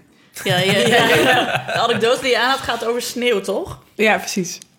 Ja, dat was, eh, toen waren we net verhuisd naar dit huis en toen lag er een heel dik, dik pak sneeuw. Dus toen gingen we naar buiten om een sneeuwpop te maken. Nou, iedereen in winterpakken, laarzen, handschoenen, la- eh, eh, wat hadden we nog meer, mutsen. Het duurde echt eindeloos. Naar beneden, toch weer naar boven. Eentje moest plassen, oké, weer naar beneden. Toen eindelijk in die sneeuw. En eh, de eerste ging nog wel enthousiast aan de slag met de sneeuwpop. En de tweede, die keek zo een beetje rond. Zei "Mwah." wilde hij weer naar binnen. En moest je het hele riedeltje weer, weer opnieuw doen. Dus toen dacht ik, ah ja, zeg maar dat, dat in het moment leven... Dat, eh, als je dat echt doet met, met kleine kinderen... Dan, dan besef je dat momenten vooral nou, daaruit bestaan. Ja, dat is überhaupt met. Ik heb eh, voor de eerste, eh, vanzelfsprekend. eh, maar voor de eerste heb ik wel heb ik zo'n beetje zweverige, doch super fijne zwangerschaps-yoga-cursus gevolgd. En onderdeel daarvan was dat mensen gewoon vertelden over, weet je, over de kinderen waar ze mee zaten. En er waren dus ook heel veel vrouwen die een tweede kind of al drie, of weet je wel. En toen hebben ze één les, zeg maar, heeft die vrouw gewoon voorgerekend op een whiteboard hoeveel het eigenlijk nou kost. Als je dus een kind hebt van een paar weken oud. Wat je dan doet per dag. Dus alle vrouwen met al een kind mochten zeggen... nou, dan ga je hem zo, laat zo, dit en dit. En dat je dus... maar ik wist dat, ik was al hoog zwanger... en ik wist dus eigenlijk niet dat je bij een eerste kind... nou, zes uur per dag kwijt bent met voeden... als het niet Ja. meer is. Of acht uur misschien wel. Toen viel echt mijn bek open. maar dat vergeet je volgens mij ook weer een beetje... als je met de tweede begint, denk Ja. ik. Tenminste, dat hoor ik heel veel mensen zeggen. Dat ze denken, ik heb gewoon geblokt. Zij, deze week nog iemand bij het kinderdagverblijf... die net de tweede heeft gekregen. Ze zei, ik heb dat helemaal geblokt. Hoe kut het is de eerste paar maanden. Ja. Oh ja, nou, en ik denk, aan de ene kant vergeet je het omdat het dus van die repetitieve, routinematige handelingen zijn die ja, je onthoudt ook niet dat elke keer dat je je fiets van het slot haalt. Nee, precies. Dus ze zijn ook niet onthoudenswaardig. Ehm, maar er zijn ook wel, ik haal Rachel Kask aan, een schrijfster die heel mooi over moederschap heeft geschreven. En die, die zegt, die vermoedt dat, dat vrouwen een Darwinistische kurk hebben op hun eh, vermogen. ehm, de, de werkelijkheid van het moederschap, eh, om, om die uit te drukken. En, en, en volgens mij ook aan zichzelf. Omdat we anders als soort zouden uitsterven. Als we echt zouden weten en onthouden hoe het is, zo'n eerste jaar, dan, nou, dan, dan was het gewoon snel afgelopen Ja, met de mensheid. ja. Ja. daarom komen de tweede en derde altijd pas na een jaar. Precies. Ja. Dat, mensen, dat mensen te gaan weer zwanger willen worden. Ja. Want dan ben je het vergeten. Want dan denk je, oh, Denk je alleen nog maar aan die leuke, gewoon dat is Ja. de eerste Ja. keer dat je zo'n babytje vasthoudt. En eh, Mhm. dat gevoel. Ja. Eén, dan wordt het eindelijk wat. En dan heb je de rust en dan heb je het ritme weer en zo. En dan denk je, oh, Hoe oud is jouw eh, eerste? Eh, die wordt in april drie. Ah ja. Dus ook toen die twee was, dachten jullie ongeveer... eh, het kan wel weer... Ja, ja echt eh, toen. Nou, iets eerder wel. ja. Iets eerder wel. Dat we dachten van, eh, we gaan dit maar proberen. Ook omdat het gewoon de eerste wel een poosje duurde. Maar ik merk nu wel ehm, dat ik er zo anders mee bezig ben dan bij de eerste. En dat ik daar af en toe een beetje van schrik. Hoe anders? Dat het me zoveel minder boeit. en dat ik er laatst van schrok van... ehm, eh, holy shit, juni is echt al bijna, die, die tweede komt. En met Julius, toen hij kwam op dit moment...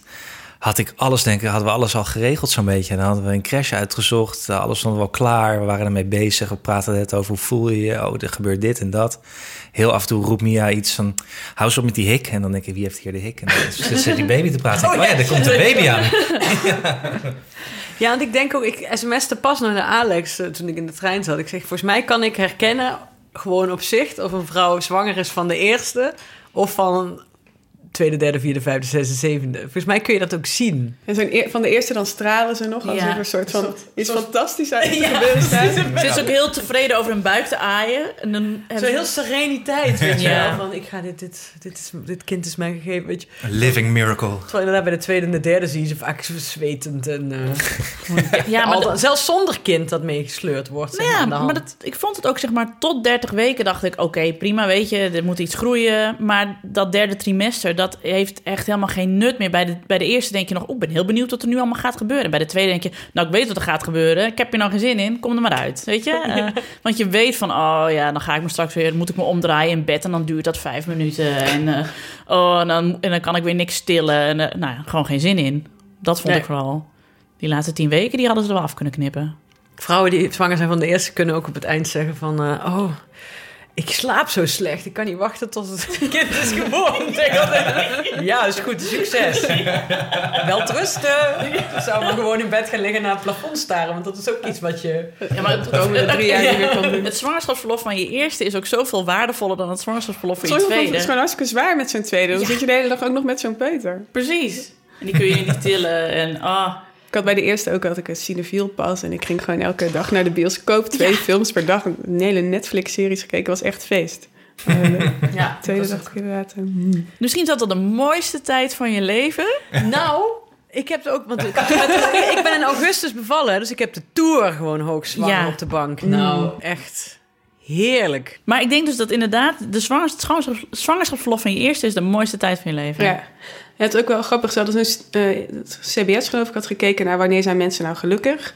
En eh, dan zien ze in, in het jaar dat een eerste kind wordt geboren, dan zijn mensen extra gelukkig. En dat begint al voor dat kind er is. Zeg maar, het je erop verheugen is al gewoon, maakt je gelukkiger. En als je dan dus ook nog eens niet een ander kind hebt om voor te zorgen. Het is gewoon, Ja, en, Puur- ou- puur en ouders met één kind waren het, zijn toch ook gelukkiger dan ouders met twee kinderen? ja, Ik ga misschien toch maar weer aan de pil. Ja,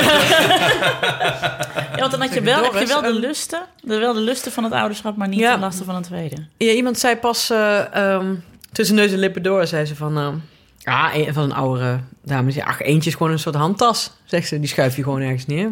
Of zei ik dat al bij de vorige pot? Heb ik dat hier al eens gezegd? Volgens mij niet. Nee. Toen dacht ik inderdaad van... Oh, dat klopt. Want mijn dochter, ja, dat is er maar eentje. En dan heb je eigenlijk... Ja, voor één kind, die kun je nog wel echt bij vrienden gewoon even... Ja. Dan vinden ze het nog leuk. ja Maar twee, een kleuter en een peuter, nou, ik weet niet. nee, de eerste brachten we best vaak uit logeren bij mijn ouders. En nu eh, zeggen ze nee. nee, bedankt. Nou, echt? Nou, nou, dat is, eh, nou, dat was nog even voor de mensen die nou aan tweede, niet meer aan een tweede beginnen. Maar bij ons, ik, wij kunnen dus nog allemaal prima met z'n tweeën weg. Oh, wat dat fijn. gaat goed, ja. Jullie, je beschreef je gezin op een gegeven moment ook. Er waren jullie bij mensen eh, op bezoek die kaarsjes op de salontafel hadden... die je maar meteen uitblies toen jullie daar aankwamen. Ja, en vervolgens ging een glas wijn tegen de vlakte en werd het, werd het poesje in zijn staart geknepen. Ja, ravage. En toen beschreven jullie je gezin als een tornado. Moest wel Ja. lachen. Ja, zo voelt het ook wel echt nog steeds eigenlijk als we ergens binnenkomen. Zeker in een huis waar geen kinderen wonen en is alles netjes. En dan komen wij zo, dan houden we even huis en dan gaan we weg. En gewoon- Maar dat is natuurlijk ook een cliché die ook echt klopt. Dat je, ik ga ook vaak met... wij gaan niet meer zoveel bij mensen langs die geen kinderen hebben. Nee, niet met de kinderen. met, met de kinderen dan bedoel ik, Nee. hè? Want dan inderdaad gaan ze... Pas bij een vriend van mij, die heeft ook allemaal van die collectors items, robotjes en zo. Nou, god, het was echt... Ben daar volgens mij twintig minuten binnen Ja. geweest. Toen zei ik, nee, ik zeg, we gaan. Was alleen maar allemaal bezig zo en een jas. Ja, maar alleen al omdat je, omdat je dan ook allemaal speelgoed mee moet nemen om je kinderen te entertainen. Dus ik vind het veel te veel gedoe om dan zo'n hele tas met Duplo in te pakken. Van, oh ja, we gaan ergens naartoe waar er geen speelgoed is. En ik weet ook nog hoe ik zelf was. Ja, Als mensen met kinderen bij mij langskwamen. Ik ben helemaal niet netjes of opgeruimd of zo. Maar dan dacht ik, oh, dan ergerde ik me zo aan dat gesleep en dat geroep. En dat je geen gesprek kan afmaken. Dus ik snap dat ook als mensen dat dan irritant vinden. Ja, terwijl als je dan met, met naar iemand toe gaat die ook een kind heeft, nou, dan kun je prima een gesprek voeren. Een vriendin van mij heeft vijf kinderen. Niet, niet ik heb nog een vriendin met vijf kinderen. Wat? Niet Christine, die hier ooit al eens in de Dat is dat aflevering... dorpse leven. hè? Ja, nee, die woont in Venlo. Cent, hartje Venlo. Maar als ik daar langs ga, dat is echt fantastisch. Dan gooi ik mijn dochter tussen die andere kinderen. En dan heb je er echt geen kind meer aan. Dan zitten we aan tafel. Kun je niet gewoon een andere meenemen dan ook gewoon?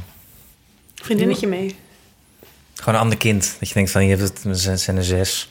Nou, laat allemaal hier. Ik neem een leukere mee. Ik ben nog wel, ik ben wel sarcastische, cynische ouder. Maar ik vind wel nog, nog steeds mijn dochter het leuk.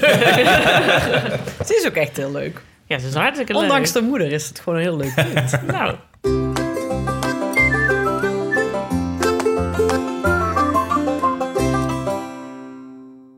Nou, ik vond het mooi om op dat, dat tijd terug te komen. Wat jij zei over ehm, tijd zien als een investering... of tijd zien, of je kinderen zien als een verbindenis die je aangaat. Ja, nee, we zijn natuurlijk heel erg gewend om over tijd te praten alsof het een munteenheid is. Dus als iets wat je inderdaad investeert of verspeelt of iets wat je ook kan worden afgenomen. Eh, bijvoorbeeld door je kinderen die je tijd kosten.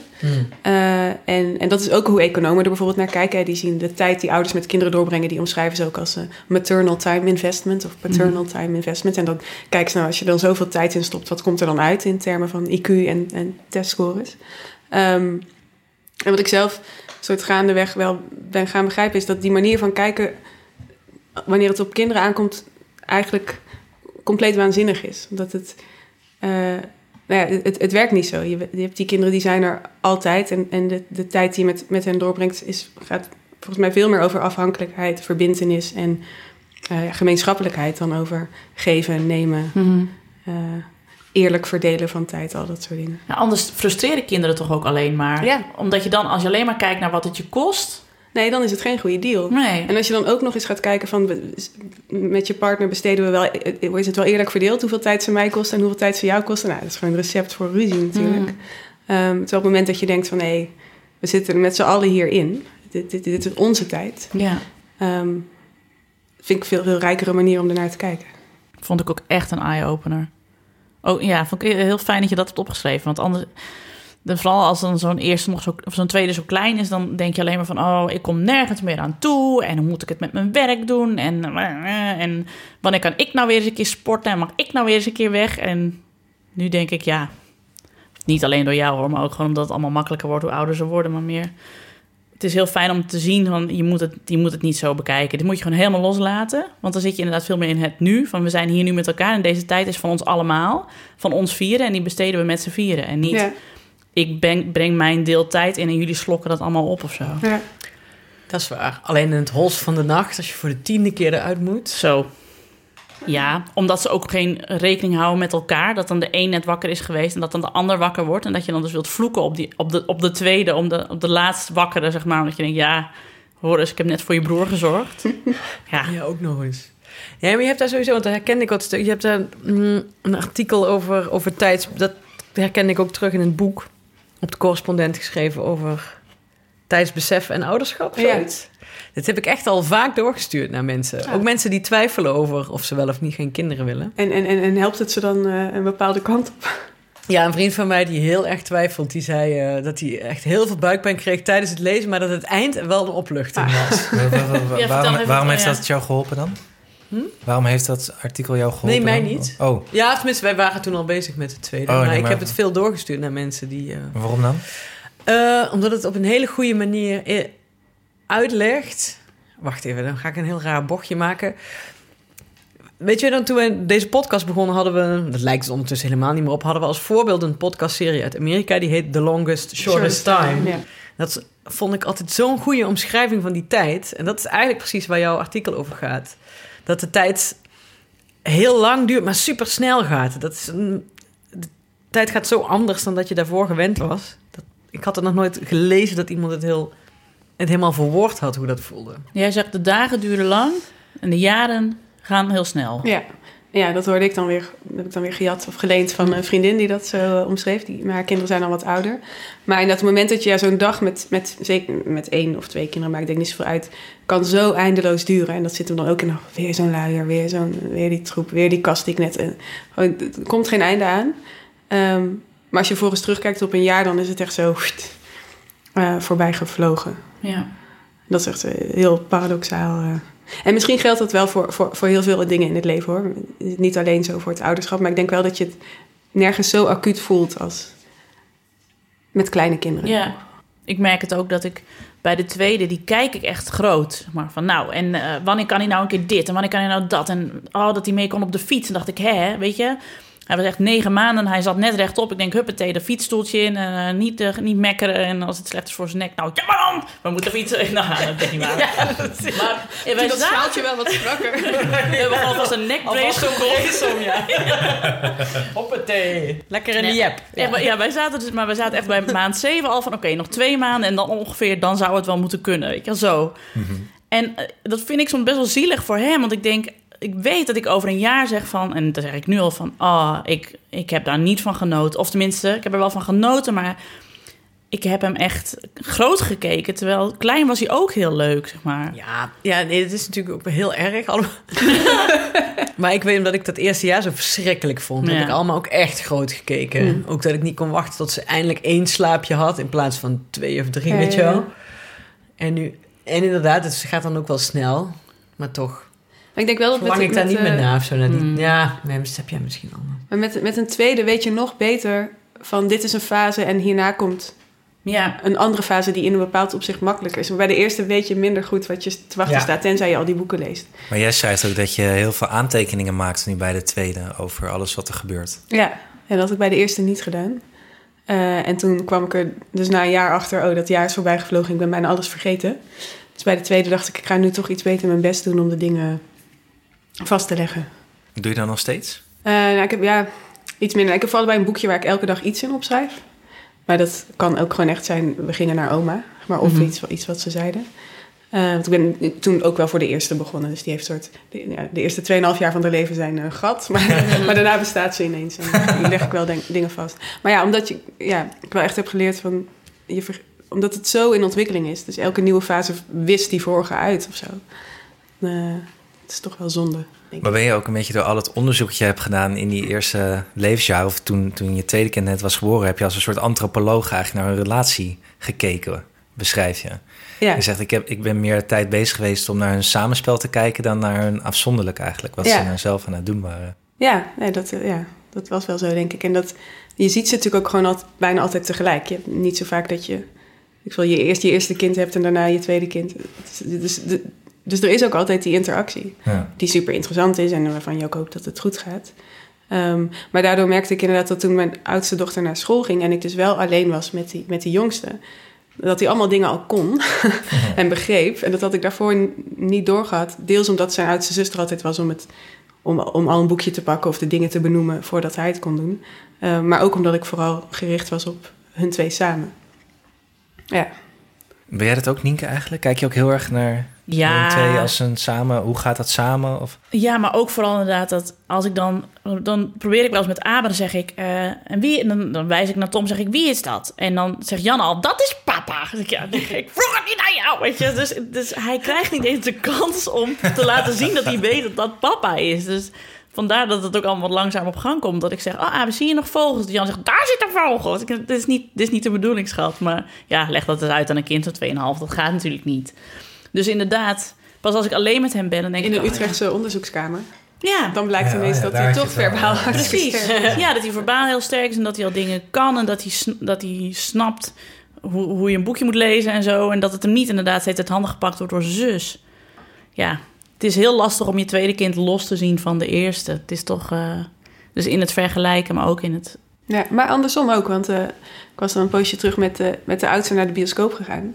En toen was ze zo klein. Oh ja. Dat ik ineens dacht, oh, je bent, je bent ook eigenlijk nog maar zo'n klein kindje. Maar omdat ik je altijd naast dat kleine broertje zie, vind Ja. ik je altijd groot.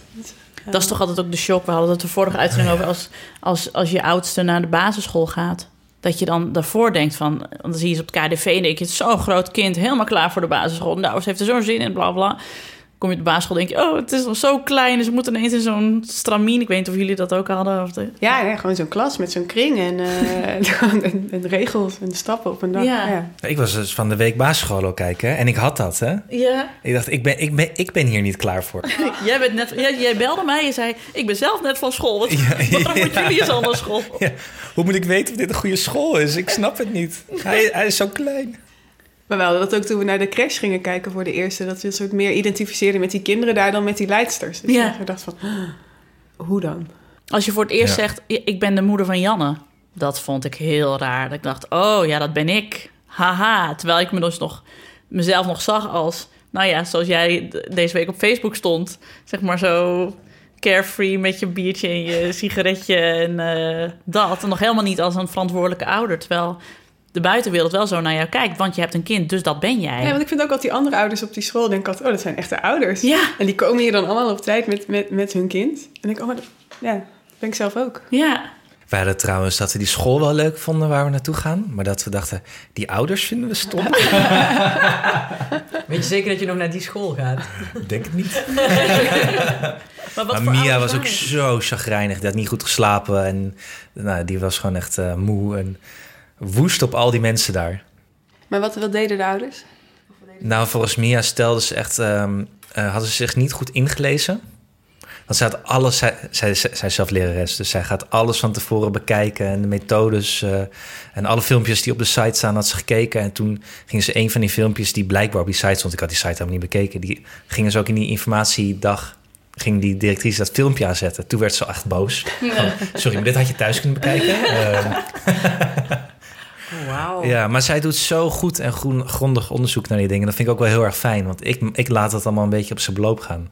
Ja. Ik vind het heel fijn dat zij dat allemaal weet en daarin goed keuzes kan maken. Maar het gaat nu om een KDV uitzoeken, nieuw KDV. Want we zijn dus verhuisd, dus de, het nieuwe kind moet naar, naar een andere. Die eerste keer, die ronde, toen hebben ze ook honderdduizend vragen gesteld... aan al die leidsters en eh, wat hun visie was dan op dit... en hoe laat deden ze dan dit. En nu is het meer als we ergens gaan kijken... nou, het is nog net niet dat we vragen... eh zweer je hem dat je hem in leven houdt of dat je haar in leven gaat houden. En als je ja zegt, is prima, dan, dan gaan we die hier naartoe Ja. brengen. Is er plek? Oké, mooi, dan komen we. Ja, dan komen we, ja. Wat zijn de openingstijden? Oh, dat is gewoon oké. Ja, dat scheelt weer een Wordt, half wordt er uur. tussen de middag warm gegeten? Oké, Ja. top. Ja, precies, ja, ja. Tussen de middag warm eten? Dat, eh, er zijn dus KDV's die dat doen. Ja, Oh, daar zou ik meteen voor kiezen. Ja, wat een Heb je dat niet? Ik heb geen keus. Maar gelukkig hebben we een heel leuk KDV in Oh, het ja, dorp. ja. Maar in Nijmegen heb ik er ook nog nooit van gehoord. Bij vast jullie is doen ze nu wel om de dag. En dat, eh, dat, dat is ook Dan wel leren goed. ze ook van alles eten. ja, dat, ja, maar thuis eet hij wel alleen maar broodjes pindakaas. Ja, Ook voor avondeten. Ja maar dan, hij soms, al warm dan heeft hij smiddags warm gegeten. Of Ja. er wordt geclaimd dat hij smiddags heeft warm gegeten. Als ik me te vragen bij de crash. Jullie is weer warm gegeten? Ja, ja, ja. Ja, ja. ja. Een broodje pindakaas. Sneaky. Maar waarom zijn jullie minder kritisch nu op de KDV voor, voor de tweede? Omdat alle eh, energie gaat naar die scholen. Ja, ik denk dat we daar nu ook iets meer naar zijn geswitcht inderdaad. Om dat nu allemaal weer opnieuw te gaan uitzoeken. En dat we nu ook hebben gemerkt met zo'n KDV... Ja, zoveel maakt het waarschijnlijk Nee. ook niet uit. Nee.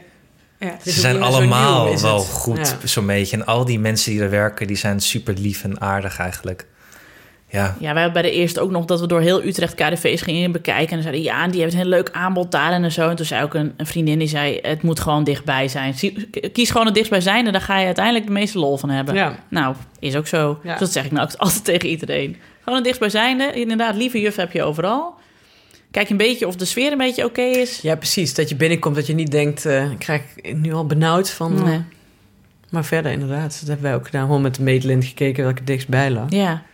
we waren nu naar twee in de buurt gaan kijken. En eentje die was net nieuw en die was nog echt spierwit. Alles was wit. Alles was schoon. Oh. Duurt En niet lang meer. Maar Hè? het duurt niet lang Nee, het meer. duurt niet lang. Maar bij binnenkomst is ook meteen weer van die, weet je wel, van die plasticjes om je schoenen en zo. Ik weet niet of jullie dat moeten als je binnenkomt bij de crash.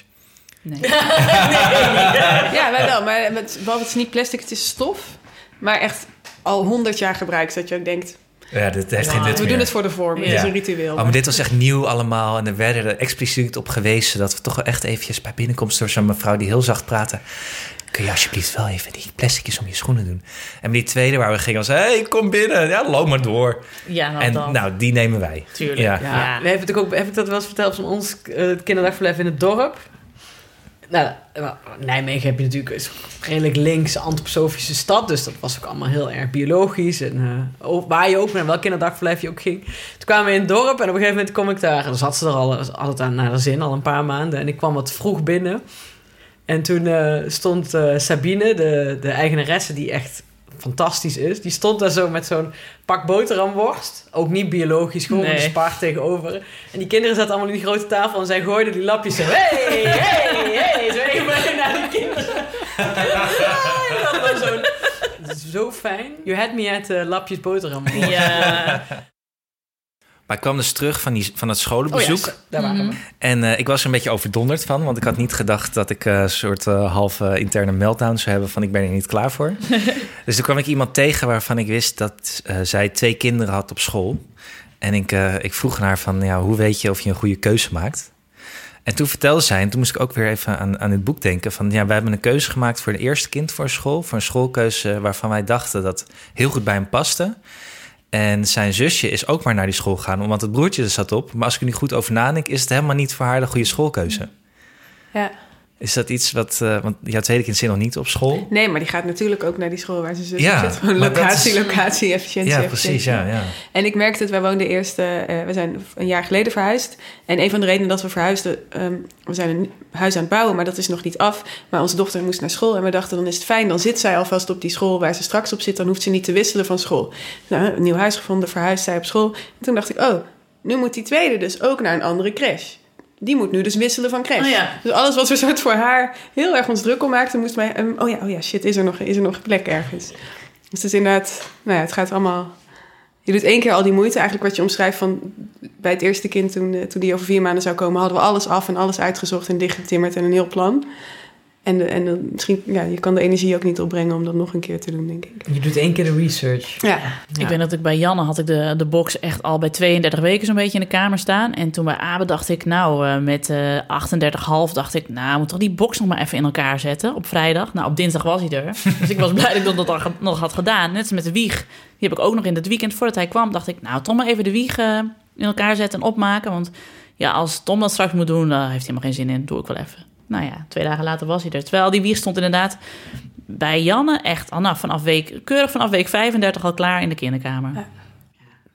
Maar maakt dat nou uit? Nou ja, het is misschien wel heel fijn ook voor jezelf, toch? Dat je niet uh, onnodig een box daar had staan en onnodig een wieg daar had staan. Dat is klein zat, ja. ja. Maar bij de eerste denk je ook, althans bij de eerste, ik heb er maar één, maar bij de eerste dacht ik, dat ook gevoelsmatig denk je dat de HEMA ook ineens niet meer bestaat. Dat je daar nooit meer heen kunt. Je moet alles van tevoren hebben, want je kunt dan niet naar de winkel, niet even iemand bellen, niet. Terwijl dat kan allemaal prima gewoon. Ja, ik had volgens mij ook de hele diepvries. We hadden een kleine diepvries, maar toch, hij zat wel helemaal vol oh, met ik heb hem ook uh, helemaal vol soep gekookt. en saus. Dat tweede ook echt dacht, ja, ik kan heus nog wel koken. En anders komt er wel iemand langs met eten in die eerste week. Dat is dan ook zoiets. Ja. Oh, dat vond ik trouwens ook leuk als tip in het boek. Uh, heb, ik weet niet of jij dat ook hebt gaan Nienke, maar dat je zei van als mensen op uh, kraamvisite komen, uh, dat ze ook een cadeautje voor de oudste moeten meenemen. Ja. ja. Heb jij dat, uh, is dat iets wat jullie expliciet hebben vermeld als mensen langskomen? Nee, maar dat doen ze automatisch al eigenlijk. Ja? Ja, ja mensen doen oh, dat meestal wel. Ja. We hadden zelfs vrienden die langskwamen, die hadden alleen een cadeautje voor die oudste. Oh ja. Niks voor de tweede. Toen dacht ik weer, nou, zie je wel, veel minder aandacht voor de tweede. oh ja, ik, sprak, ik, ik, vroeg dit aan, ook aan iemand anders, van, uh, heb je, doe jij dit ook? En die zei, ah, dat maakt helemaal niet uit, die oudste maakt toch alles open. Ja, dat is ook zo. Jan heeft heel veel cadeautjes geconfiskeerd. Ja. Alle, alle voorleesboeken. Paco. Die was eigenlijk voor, uh, voor apen. Maar volgens mij ja. Janne die meteen. Ja, natuurlijk. Ja, maar Paco is ook wel te gek. Ja, Paco, Paco, is, Paco is echt fantastisch. Dat is wel de kraam, kraamtip. Ja, de boekjes van Paco. Wij kregen er één als cadeau, kraamcadeau van de boekhandel in Nijmegen. En dat was echt hun beste investering ooit. Want we hebben ze in een half jaar tijd, terwijl allemaal konden echt niks mee toen ook, gekocht. Alle, alle Paco's. Ja, ja. ze hebben een soort uh, een beetje drugs gegeven, zodat je even slaap gaat ja, raakt. Ja, ja, ja, Ik heb toen mijn, mijn vader voor, voor zijn verjaardag, geloof ik, of toen kwam, kwam Janne daar logeren. Toen gaf ik hem Paco en Mozart. Want mijn vader houdt erg van klassieke muziek. En uh, ging hij dat dus de hele tijd met Janne lezen. En dat had hij dus ook gewoon. Mijn vader is ook zo'n kleine drill instructor hoor. Dat Janne dan bij de Koningin van de Nacht zei: De Koningin van de Nacht. Mijn vader helemaal trots was. Die doe ik altijd. Dat, ik vind Ali echt een van de grappigste. Als ik dat, ook, als ik dat dan playback. Oh ja. Zeg ze: Doe, mama, doe, doe. Dan moet ik dat. Ik ga het ook niet voordoen, want gelukkig is het audio. Oh, ja. Jij, jij mixt die Koningin van de Nacht wel even onder. Zing even. Nee. Zing even. Nee. Zing even. nee, nee, nee. Dus ik spreek je voicemail wel in. Zo vaak gehoord. Dus dat? Ja. De, de tweede, tweede deel doe ik niet, want dat kan ik niet. ik weet al, want ik ben altijd al met mijn stomme shit-opmerkingen de... De opening. De opening, ja. uh, playback jij dan even. Ja, kom op.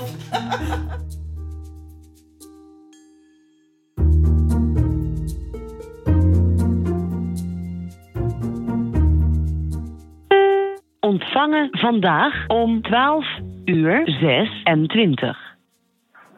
Nee, natuurlijk ga ik niet Koningin van de Nacht inzingen in jouw voicemail. Dat dan weer voor sms? Kun je even de Koningin van de Nacht inzingen op een voicemail? Nee, natuurlijk niet. Google het maar. Zet dat er maar onder. Doei.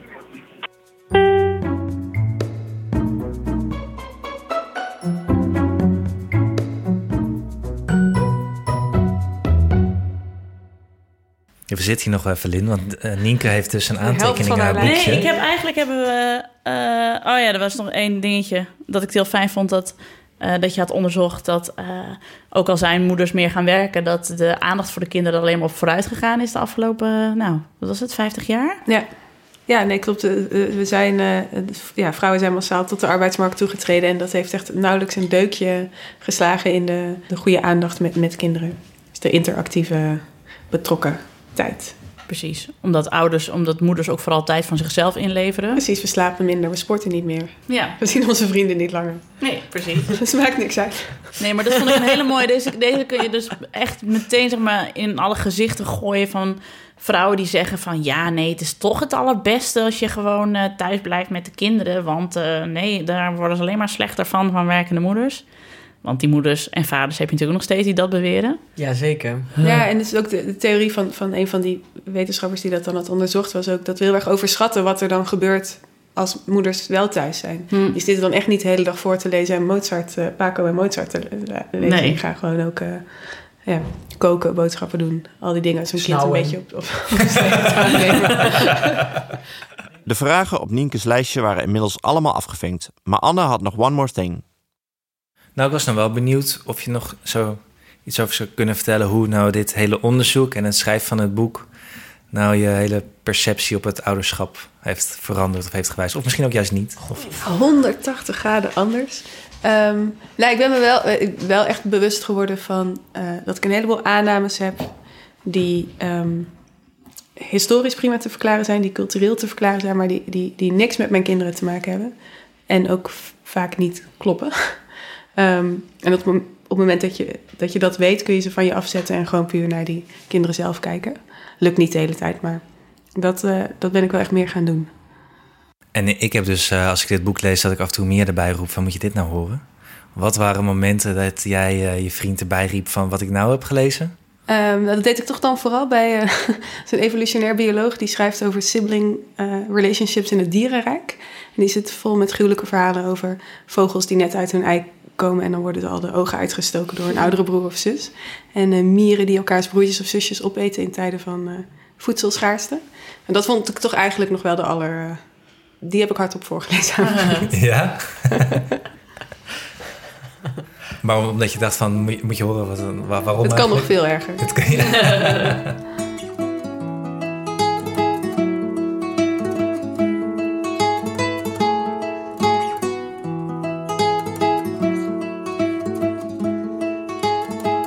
Oké, nog één one more thing dan. Want hoe is het eigenlijk verder gelopen tussen Lin en haar zus? Ehm, nee, die heeft een van de eh, meegelezen met de eerste versie. Er gingen toen een aantal mensen meelezen en dat vond ik allemaal prima. Maar dat zij het ging lezen vond ik wel echt heel spannend. Eh, en eh, ze vond het mooi. En ze was ook wel blij dat ik eindelijk toegaf dat ik niet de leukste oudste zus was. Ehm, dus ik denk dat het ook in die zin ook een soort lange excuusbrief is aan mijn zusje. Die, eh, die, dat, die in ontvangst werd genomen. En, eh, Want wanneer is dat omslagpunt gekomen eigenlijk? Om nog de afsluitende vraag even te rekken. Zeg maar dat je, dat je een warme band kreeg. ja, toch echt toen ik uit huis ging. Oké, toen moest je echt fysiek verwijderen van huis. Oké. En we niet meer hoefden te vechten om badkamertijd. En eh, dezelfde jongens in de stad Ja, aan het versieren waren. dus nu zijn jullie al langer... Nee, je zijn niet al langer vrienden, al langer vrienden Oh ja, toch wel, ja. Oké. Ja, ja, ja. Ja, net. Ja. Je wilt al langer vrienden dan... dan eh, dat je elkaar vijanden. gehaat hebben. Ja. Nou ja, en dat is ook wat, wat je toch in je boek schrijft, dat eh, ook al hebben dus eh, eh, kinderen onderling, broers en zussen, veel rivaliteit gehad, dat ze op latere leeftijd die broers en zussen nog steeds wel waarderen of zo. En Ja. blij zijn dat ze er zijn, weet je. Ja, nee, mensen worden wel volwassen. En inderdaad, nu zijn we langer vrienden dan vijanden. En, en, en dat wordt natuurlijk ook alleen nog maar langer. Dus dat vijandschap wordt steeds kleiner eh, in, in het licht van onze gezamenlijke geschiedenis. Dus dat is ook wel een geruststellend idee. En, en dat, en dat het broers en zussen je ook een heel goed, goede basis geven qua vertrouwen in de, in de mensheid. Nou, zo zei je het niet in het boek, maar dat je van een broer of zus leert van ik kan onwijs ruzie met diegene maken, maar de volgende ochtend zit die ander altijd weer aan het ontbijt. Ja. Ja, nee, je kan heel goed oefenen in, in Hm. ruzie maken. Je, je hebt ook meer ruzie met je broer of zus dan met wie dan ook. Dat heeft ook met tijd te maken, omdat je zoveel tijd met elkaar doorbrengt. Eh, maar het, eh, ja, het, het, kan niet, het is niet na één ruzie voorbij. Nee. Dus dat, eh, is wel Ja, dat vond ik ook wel geruststellend gegeven. Ze maken gewoon ruzie. Ja, ja, ja, sowieso. Ja. Ja. En dus een slechte relatie, of een slechte broer-zusrelatie in, in het begin van je leven betekent niet dat dat forever verschrikkelijk is en dat het nooit meer goed komt. Dan kan het op latere leeftijd nog altijd heel veel opleveren. Of Ja. zo. ja. Ja, Hanneke is ook gewoon die tent uitgekropen met 40 matrassen waar ze onder moest liggen. Of wat was het? Slaapzakken. Bij 30 Het is redelijk zegt- goed gekomen. Zegt? Ad nog altijd nu. Zeg, en zie hoe je nu bent geworden. Allemaal dankzij mij. Stinkend rijk. Stinken. Stinkerrijk ook echt ook zo.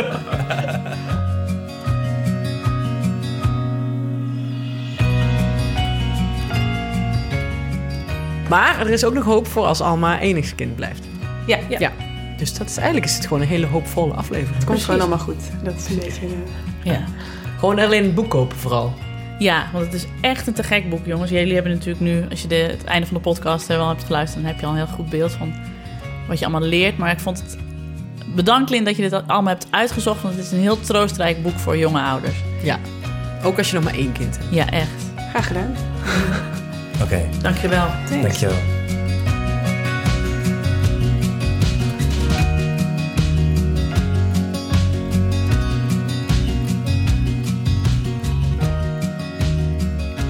Zo, dit was het weer. Als je dit nou leuk vond, laat dan een review achter op iTunes. En vertel het ons op Twitter. Wij zijn ik ken iemand die. Ken jij een moeder of vader, schoolpleinmattie, bootcamp collega of andere opvoedende podcastliefhebber die dit zeker moet horen? Maak ze dan alsjeblieft attent op onze podcast. Dat zouden we erg fijn vinden. Heel veel dank aan Lin Berger voor de gastvrijheid en natuurlijk ook veel dank aan mijn vaste tafelgenoten die niet ziek waren. Hanneke Hendricks, Nienke de Jong en Anne Janssens die namens Dag en Nacht Media de productie deed.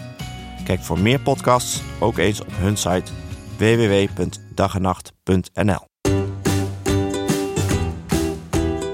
De tweede ligt in zo'n beetje elke boekwinkel. Er staat nog veel meer interessants in dan we in deze podcast konden bespreken. Je kunt het boek ook online bestellen bij De Correspondent. Ga naar decorrespondent.nl slash de tweede. De link zetten we ook in deze show notes. Net als de link naar het artikel van Lin dat Hanneke naar Jan en Alleman rondstuurt.